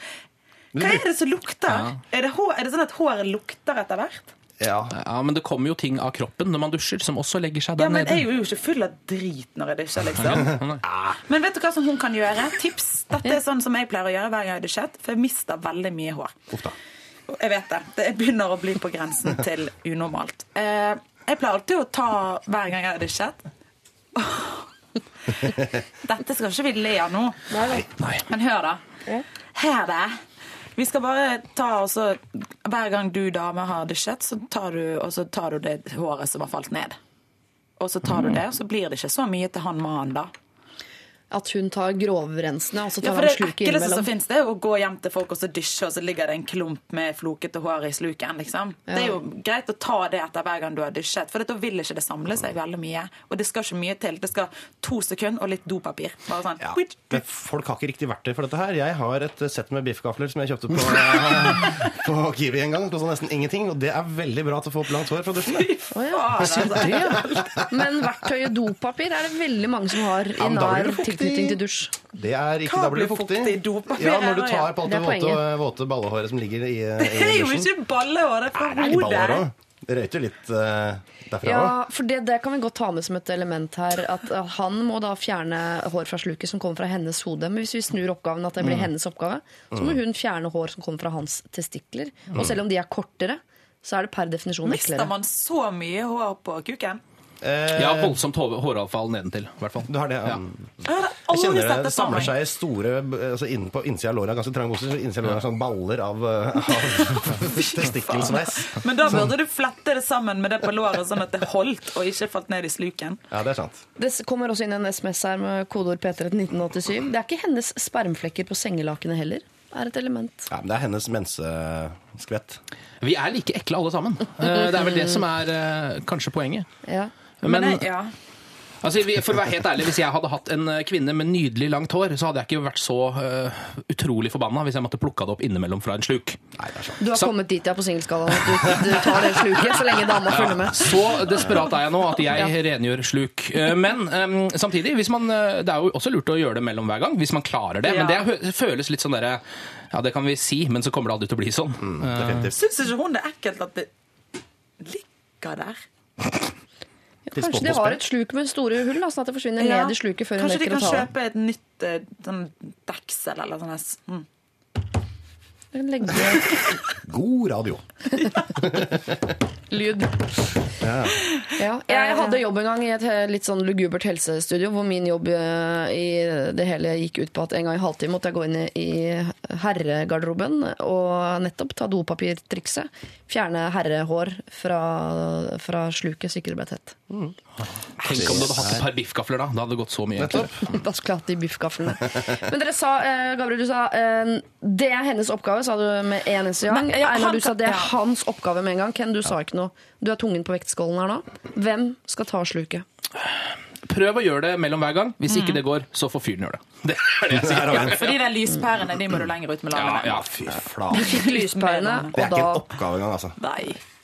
Eh, Sluket lys. følger med altså, når du har fått lyspæreoppgaven, for den er så liten at det telles ikke som oppgave. Men du kan godt si til dama at hun gjerne må fjerne overskuddshår med toalettpapir eh, mellom hver gang hun dusjer. Og så eh, kan jo du gå til innkjøp av biffgafler, Eller eh, som gjør det hele lettere. Bytte. Hun tar sengetøyet. Nei, hun tar håret. Han tar sengen. Så kan du se hvem som har lyst til å gjøre hva. Ja. Ja, da kommer senga til å være dårligere oppredd, tror jeg. Ja, Lokføreren spør er fortsatt meg hvilken vei skal dyna inn i sengetøya si. Altså, Så gå og sett deg og se på sport. Jeg tar det. Ja. Nei, det holder ikke. Dette er Lørdagsrådet På P3. P3. Foo Fighters, The Pretender var det der, og Tignen Sarah før det med låta Closer. Eh, Gabrielle, Ken Vasenus Nilsen og Tørnquist, vi har eh, vært innom eh, mye rart, annet hår i sluket, og fått inn noen tips på det. Til han med den nydelige dama med det nydelige håret og slukproblemer, kjøp deg en boks engangshansker på apoteket, og vips er jobben mye mindre ekkel. Hilsen sykepleier Lars Martin, profesjonelt avhengig av hansker. Jeg er ikke helt enig. Jeg, Jeg, jeg altså, jeg, tar ikke på bæsj, eksempel. Eller gjør jeg jo mye da, fordi jeg skifter bleie på ungene mine. Men det å ha et lag av silikon imellom, altså hansker, syns jeg ikke gjør saken noe bedre. Altså. Vernepleier. Ja. eh, Jeg har, det har jeg gjort mye, det. Ja. Ja, det er ikke noe problem, altså. Det er ikke noe problem. Men er det mindre ekkelt med hansker? Ja, er selvfølgelig, for det er da et lag mellom deg og det, det andre. Det er mindre ekkelt med hansker, men samtidig så er det noe ekkelt med å ta på seg sånne hansker også. Da skal, Spørsmålet er, kunne du lagt maten du skal spise inn i hansken, lagt litt bæsj utapå hansken, det er det jeg mener. maten igjen og spist den? Jeg had, kunne jo ikke det. Nei. Fordi den får jo ikke, Det er veldig lite mat som får plass inn i en sånn hanske. Men hansken puster ikke. Eh, Den gjør ikke det. Den gjør ikke det. Før dere går for dypt inn i det materiet, så må jeg også lese, inn, eh, lese opp en annen SMS som har kommet inn, hvor det står 'Hallo, folk spiser frokost etter programmet her. Ekkelt'. Spiser de frokost fra en sånn hanske? Det er mitt spørsmål tilbake. Hvis ikke, prøv da. Og Stine til slutt her, som har sendt inn eh, melding eh, med kodeord P131987. Tips til mindre hår i dusjen. Gre håret før dusjing. Da får man vekk mye. Hilsen Stine, skoleflink. Tips til mindre hår i dusjen. Gjør det slutt. Ja, tips til han i så fall, ja. ja jeg skjønner hva du mener. Nei da. Alle skal få lov til å ha hår i dusjen. Alle skal få lov til å ha kjæreste. I. Hei! I flere uker nå har jeg tenkt på hvor jeg skal studere til høsten, men finner ingen løsning. Håper på hjelp fra dere. Vil studere økonomi og administrasjon enten ved Høgskolen i Bø i Telemark eller Høgskolen i Drammen. Jeg kommer selv fra en liten bygd, så en storby virker litt skremmende, men jeg har en venninne som skal søke på samme skole, og vi kan da bo sammen. Men Telemark er nærmere hjemme, hvor typen venter. Det virker roligere og koseligere, men bare en liten time fra høyskolen bor moren min, som jeg ikke har snakket med på seks år. Bør jeg bite tenna sammen og håpe at jeg ikke møter henne i løpet av disse tre årene på skole, eller skal jeg ut i storbyen og konsentrere meg bare om skole? Vil helst til Telemark, men Drammen høres også bra ut med tanke på venninnen min som skal gå der. Hjelp meg! Kanskje dere har tips om hvilken skole som er best? Med vennlig hilsen jente på 20. Altså, her er det mye. Hun har valg, altså, hun har valg mellom Telemark, Bø i Telemark. Der er i nærheten av kjæresten, men samtidig mor som hun ikke vil møte. Eller dra til Drammen, som er en storby, litt skummel, men da kan hun bo sammen med venninne. Langt fra kjæresten, men vet at hun unngår mor. Men hvorfor dette, Masse pros and cons på begge. hvorfor dette hvorfor dra seg mellom Telemark og Buskerud? Er det, hva er det, var dette agget mot Vestfold fylke som hun eh, åpenbart sliter med? Ja, Er det noe økonomi og administrasjon å studere der? Ja, hallo, gartnerskole, står ikke det? Mye, altså, der er det interna- internat òg. Ja, Er det økonomi og det det administrasjonsfag der? ja. ja. Det er mye av det, samme, altså. Er det ikke ja. Men er Drammen en storby? Ja. ja. Drammen er blitt en så fin by. De rusta jo opp så innmari for noen år siden. Så fint. Så fint der. Det blir kjempefint, det. Da må man bare eh, reise til Drammen, da. Oppleve litt ting. Ja, men, Ja, jeg, Mm. ok, men jeg tenker, Har du lyst til å være eh, en sånn student som bare er sammen med kjæresten din og tenker på kjæresten Ja, din? Eller har du lyst til å være en sånn student som er ute og koser deg og får nye venner og lever studentlivet? I så fall så ville jeg stikke til Drammen og hengt med venninna mi. Kanskje kjæresten var med til Drammen? Ja. Nei, det kan nei, ikke kjæresten, kjæresten, altså. Men du som tydeligvis har mye sånn geografikunnskap på fylker og sånn, eh, Tørnquist. Mm. Hvis ikke Bø er så innmari langt unna, er Drammen så innmari langt unna? Ja, Da lurer jeg litt på hvor hun bor. For enten, altså, Bor hun nord for Bø eller sør for Bø? For da, Hvis du bor sør for Bø, kan du risikere å dra nedover til Kristiansand og rundt der. da. Hvis hun er en Agder-budeie. Men ikke Ja, men bring nå flere fylker til bordet. venninnen. Det står mellom Drammen og Bø. Ja. Uh, av de to stedene så foretrekker jeg Drammen. Ja, fordi? Uh, fordi de jeg ser, for- ser for meg at de har 7-Eleven. Og, eh, og et eh, flott kulturtilbud. Det er klart at I Bø har de jo et badeland som de ikke kan matche i, i, i Drammensdistriktet. Men det er jo på sommeren, har- det er man jo kanskje ikke der allikevel. Men Bø har jo et hjemme, er man ikke det? Men er, er den Las Bø-gass, den, eh, den gambling-delen av, av Bø, fortsatt åpen på vinterstid? Har så lite kjennskap til Las Bøgas at eh, det kan jeg ikke svare på. finnes det noe der? Det heter, heter den cowboybyen i, i Bø. Men kan jeg få komme med et innskudd? Noe av det koseligste som fins, det er å bo sammen med din beste venninne når man er student. Tenk så kjekt å reise til Drammen, da, og så kan de bo sammen og så få en masse nye venner, og så kan få besøk av kjæresten, og så kan hun reise hjem og være med kjæresten, og så være med kjæresten innimellom, da. Trenger ikke være sammen hele tiden i Bø. Nei, det kommer til å bli slutt. Hvis Ja, det de gjør du i den alderen her. sammen. Hvor gammel er hun da? 20, var det ikke det? Ja, Da blir slutt med den kjæresten der før eller senere. Du må ikke si det. Ja, men det er gode sjanser for det. Ja, det er det. Ja. Og det er ikke så dumt for deg heller. Det er ikke så dumt å møte noen! det er jo ikke det. Du går aldri tilbake til det kjæresten hadde den tida. Men dere Bø i Telemark også, jeg vet ikke hvor mye dere har vært der, men jeg har vært en del i Bø i Telemark, bl.a. blant annet på studentsamfunnet der, og det er et vanvittig kult studentmiljø i Bø. Veldig, veldig kult sted. Veldig gode vafler også har de eh, på studentgreia der. Eh, og når hun ikke har snakket med moren sin på seks år, nå står det ikke noe om hvorfor osv., men kunne det vært en anledning til å begynne med det, eller? Det er jo ålreit å ha noe kontakt med den Det virka veldig som hun ville unngå det, da. Av en eller annen grunn. Ja, men det kan være konfliktskyhet eller sinne eller altså ting som man kan, Kan det være eh, hun har over. en ko-ko mor som ikke er så bra å ha kontakt med? Absolutt. absolutt. Men det vet jo ikke jeg. Jeg tenker, jeg vet kanskje litt for lite om det. Ja. Altså Forholdene mellom de. Det virker jo som denne jenta i hvert fall ikke vil møte mora si. da. absolutt. Kan hende moren er helt forferdelig grusom. Og da, da ville jeg tenkt Nei, kom meg til den. det andre alternativet. Det var Drammen da, ikke sant? Ja. Hvis mora er helt 100% klin umulig å ha med å gjøre, tenk Drammen, tenker jeg. Ja. Tenk Og hvis ikke, så Bø? Ja, skal vi si det sånn? Nei, er du enig på i, Ja, men det er så, det er så innmari koselig med sånn, Bø, eh, jeg var sånn lite sted. Hvor er det hun bor? Vil helst til Bø? Står det noe om det? Ja, vil helst til Telemark, står det. Det er bra. Ok. Det... jeg vil fortsatt gå for Drammen. Altså, jeg tror du kommer til å ha en mye kulere Hvis du klarer å frigjøre deg litt fra typen din, så tror jeg du kommer til å ha en veldig mye kulere tid. Og Strømsgodset gjør det veldig bra i fotball nå. Det gjør det. Mm, de gjør det. sant? Mm, de kom på andreplass i den eh, norske versjonen av Premier League i fjor. De gjorde det. Eh, Jeg eh, vil også faktisk eh, Jeg er veldig glad i Bø. Det er ikke kvinnedag mer, kan Nei på ja. Glad i Bø. Er ikke så glad i mora di. Og er ikke så glad i at du skal studere på et sted som er så i nærheten av Det høres koselig ut med kjæresten og sånn. men Jeg tenker, hvis du først skal ut Studere, oppleve noe, så ikke gå liksom to meter fra postkassa di. Du er nødt til å forflytte deg litt mer eh, for, å få til, eh, for å få avstand til der du er nå. Da. Så jeg går for Mm. Drammen. Yes. Jeg har hørt mange som også angrer på at de var liksom for knytt opp mot Ja. et kjæresteforhold som var liksom mens de studerte. Ja, ikke sant? Jeg dro til Um, Mysen og var altså, hjemme Ja, liksom på promperen man- til typen fra torsdag til søndag hver uke. Jeg Ja, fikk jo aldri, liksom. Pendlestudent. Pendlerstudent, det er ikke noe Er særlig dere deilig. sammen ennå? Nei, nei, nei. Nei, der kan du se. Det er sånn det går. Ja. Kasta bort tida, og få, så blir det slutt. Dra Dette er ikke veldig ofte jeg sier, men dra til Drammen. Det er det tydeligste rådet fra, fra oss her eh, nå. Lørdagsrådet med Siri Kristiansen. På P3. P3. Røyksopp sammen med Susanne Sundfør, 'Running to the Sea'. Eh, og jeg sier det, gratulerer, eh, dere vant søksmålet Røyksopp. Det var jo sabla hyggelig for dere, da. Ikke så hyggelig for han som tapte, selvfølgelig.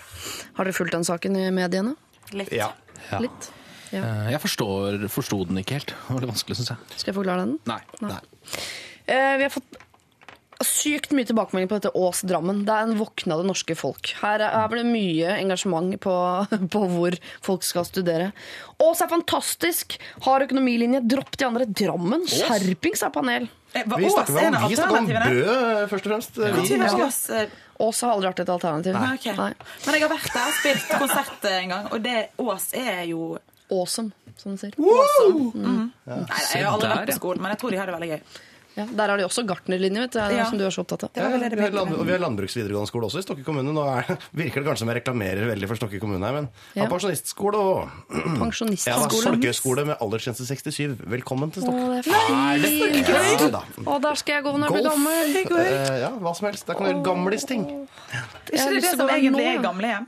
Eh, nei, det er, ikke, det er ikke det. Det er folkehøyskole for eh, litt sånn litt, eh, de, de, de har som regel bestemt seg for hva de skal i livet, da, de som går der. Ja, okay. Og det er så trist det er likt som andre folkeskoler, At det er da du liksom har den perioden hvor du kliner med flest, og du plutselig finner ut at du er lesbisk og begynner å gå i batikk. Altså sånne Mm. ting som skjer på folkeskole i en alder av 70. Det har vært så deilig. Da, Jeg fant meg sjøl da jeg var 70. Ja. Men ikke bare det, men de går jo der sammen med sikkert vanlige folk som, holder, som er ung.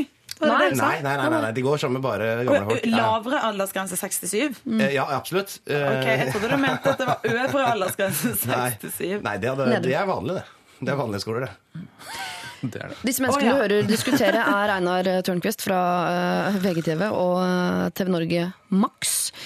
Ken Vasenus Nilsen fra Mixtape her i P3. Og Gabrielle No More Reason to Explain, Hei. som jeg liker å kalle det. Eh, flere kommentarer på dette. De har ikke økonomi i Drammen. De har alternativ, det er alternativet Kongsberg eller Hønefoss, sier Knut. Ja, det er i det hele tatt ganske mye eh, høy temperatur på dette med Bø versus Drammen. Men vi gikk for Drammen, og det står vi inne for. Hva er det du lurer på, Gabrielle? Hva er det du prøver å hviske nå? Lurer på? hørte ikke hva du sa, for at han lager så rare uttrykk i fjeset. Men nå, unnskyld. Jeg tilgir meg. Husker dere at vi tok og hjalp en, en uh, ung uh, mann som ville dra på hyttetur uh, til Sjusjøen, men han hadde søsken som hadde unger, og de mente at de hadde førsteprioritet. Mm. I kjølvannet av det så tok jeg en, en mail fra noen hipsterlyttere. De kaller seg det selv, det er ikke meg. Hyttehipstere. Som skrev alarm, alarm, vi er søster og bror som også har hytte på Sjusjøen. Vi sitter her nå og skal planlegge litt oppussing siden vi nettopp har overtatt kjøpt denne tradisjonelle familiehytta fra 1960. Uten strøm og vann etc.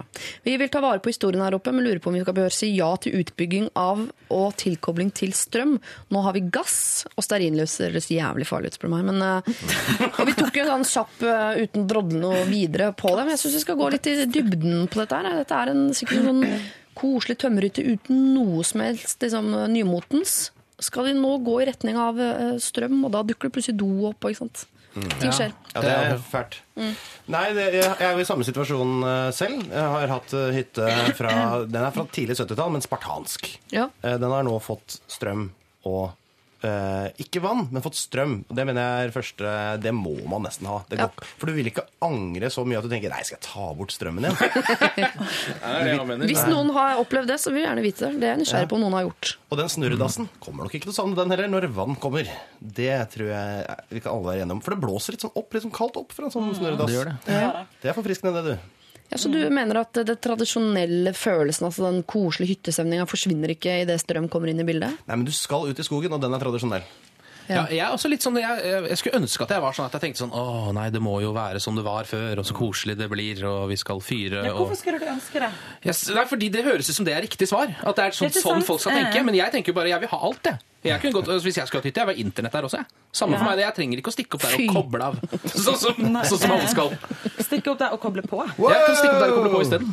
Men ja. er det sånn at hvis de får strøm, så må de slutte å bruke stearinlys? Nei, nei, nei, selvfølgelig nei, nei. ikke. Selvfølgelig. Jeg, jeg stemmer for ja, strøm, og så trenger jeg ikke bruke den strømmen mer enn akkurat det nødvendige. Da kommer det opp opp hjemmekinoanlegget og Og akkurat det, ja. Og så tenne masse stearinlys. Men må de slutte med gass, selv om de har strøm? De kan vel ha gasskomfyr? eh, Det er jo veldig lurt å slutte med gass. Ja, men det er mange som har en gass. eh, Er det ikke Gass det som... er jo veldig trendy nå. Ja, akkurat det. er det. Gasskomfyrer, det Mm. er liksom det kokkene bruker. da. Det er litt dyrt. Det er faktisk dyrere med sånne gamle ting enn det det er med nye ting nå. Sånn har det blitt. Sånn er det blitt. Hvor er denne verden på vei hen? Men innlegging av vann, da? Skal de gå for det også på sikt? Eh, ja, på sikt, ja, det syns jeg jo er Det er veldig deilig å kunne dusje. Når man er eh, på sånn, For det innebærer gjerne noen skitur og noe liksom svetteting. Ja. Og du kan jo ikke dusje uten vann. Men er dette sånn, for nå spør jo de bør, altså Dette er jo fordi vi syns det. Men hva syns de sjøl, da? Har de lyst til å ta en kald dusj når det er tolv minus ute? Altså, Har de lyst til å Eller hva har de lyst til? Har de lyst til å kose seg på hytten? Eller har de lyst til å slite seg ut med å hogge ved og drite i I den lille bøtta som Ja. Ja, roterer. Det blir jo litt den der hva, hva man har lyst til, da. Og jeg tror ikke man skal tenke på noe, så mye på det der å verne liksom det som var gammelt. For det gjør man fremdeles med at hytten på en måte, Man trenger jo ikke rive den ned. Det er jo bare det å modernisere det litt, så det blir litt mer comfy. Og, ja. Jeg tror ikke jeg skal være redd for det, at, det blir, at dere mister hyttefølelsen Nei. ved at det kommer strøm inn. Dere fortsetter med stearinlys, dere kan fortsatt tenne i peisen. Dere kan ha gass, gasskomfyr, faktisk. Det selges på Ikea nå. Mm. Eh, og eh, vann kan dere jo vurdere, det er ikke så nødvendig. Jeg mener jo at noe av det deilige med å være på det aller beste med hytte, er at du slipper å dusje. Syns jeg er veldig deilig. Jaha. Men det er deilig Eh, å og også- kunne gjøre det? Nei, jeg syns ikke man skal kunne gjøre det, for da burde man gjøre det. Ikke sant? Ja. Det er så deilig å ha en unnskyldning for sånn Ja, jeg lukter dritt, men jeg har vært på hytta, skjønner du. Det syns jeg er veldig deilig. Hvis det da sånn, viser seg at det er dusj der, så er det jo bare ekkelt, ikke sant. Så jeg syns ikke dere skal ha vann. Eh, og så det skal det være en stemme. Jeg tar aldri med meg egne klær når jeg drar på hytte, for da, men jeg, jeg liker å gå i de klærne som følger med hytta. Ikke sant? Så man kan fortsette fremdeles sånn. er- Ikke send meg det blikket. Det er veldig mye rart med Det det er veldig mye rare hytter. Jo, men bevar, hytte, bevar hyttefølelsen, men legge inn strøm, da. Det er jo deilig å kunne kose seg med en DVD på slutten her, altså. Jeg syns det.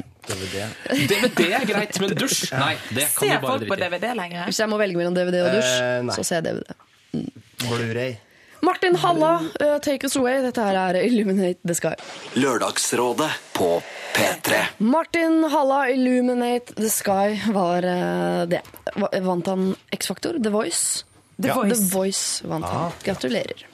Eh, Einar Tørnquist, Ken Vasenius Nilsen og eh, Gabrielle, dere skal få lov til å dele ut nå en T-skjorte til den dere mener har fortjent det mest, som har rørt dere mest på en eller annen måte i løpet av sendinga i dag. Og jeg skal fort ramse opp hvem som er kandidater.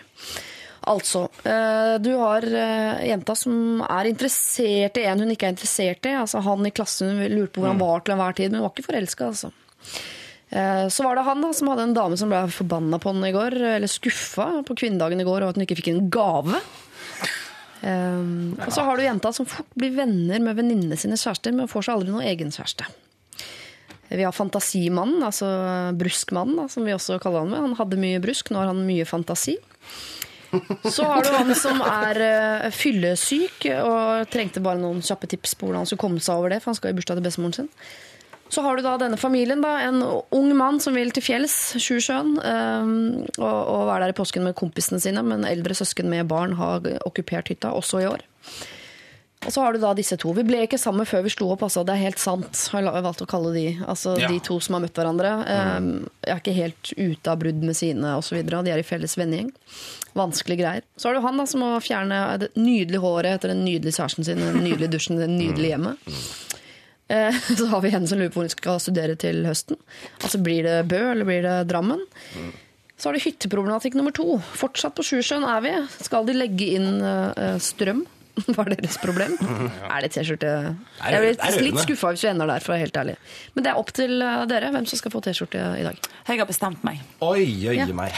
Jeg har bestemt at eh, jeg vil gi min stemme til han som sendte inn spørsmål Sendte inn spørsmål om eh, det der med han der som hadde gått fra konen, eller Ja, og så ville Vi ble ikke sammen før vi slo opp, altså. Det er helt ja, sant. Den, vil- fordi at jeg noe sier meg nå at Hvorfor har ikke hun gjort det slutt med eksen sin ennå? Og jeg tenker at han fortjener en T-skjorte, for jeg, det er ikke sikkert at hun kommer til å gå fra mannen sin. Nei. Eller kanskje hun har gjort det allerede, for det er jo snart en time siden hun fikk det. Kan være er ekstremt hands det er hun dama Ja. som fortsatt er i et forhold som har sendt inn meldinga, ikke sant? Nei, det er han. Nei, Det er han, ja. Okay. Ok, ok. Ja, men da Han kan godt få en T-skjorte for min del. Altså. Ja, Altså. for han er liksom, ja. Ja. Jeg, jeg, jeg blir med altså, på, det, på det laget deres. Du hadde tenkt å gå for hytte For nummer to? har det Jeg på hadde egentlig tenkt å si at man skulle legge vann på hytta er mest rørende. Det er jo veldig rørende. For det, du legger jo vann i rør. Herlighet. Men så angrer jeg på det. Jeg forandrer stemmen min. Ja. Nei, jeg gjør ikke det. Ikke forandre stemmen din. Ikke Det må du aldri gjøre, stemmen. Gabriel. Det blir T-skjorte til eh, altså denne mannen som har gått fra sin kjæreste, og som nå har lyst til å eh, se hva mulighetene er for at han kan bli sammen med en annen dame i gjengen som må ut av forhold. Og det er en suppe uten like, men en T-skjorte, det skal han få. Tusen takk til eh, Tørnquist, Ken og Gabrielle for at dere stilte opp i Lørdagsrådet i dag. Det har vært en fortreffelig hyggelig. Bildet av dere ligger det på Facebook-siden vår. Jeg syns vi ble fine faktisk alle sammen på det bildet. Det pleier å være tre av fire som er bra, og en som driter seg ut på Jeg syns du er fin der, jeg, altså. Jeg syns du er fin. Okay, greit. Eh, hvis du ikke skjønner noen ting nå, hva er det de snakker om, hva er det, alle disse problemene og sånn, så er det ting vi har snakket om nå de siste tre timene, og som er tilgjengelig som podkast om eh, ja, 10-15-20, maks halvtime. eh, og send fortsatt send inn problemer, for da tar vi det med oss til neste lørdag. Da er det LR, alfakrøll, nrk.no som gjelder. God lørdag! Lørdagsrådet hver lørdag fra 9 til 12 på P3. P3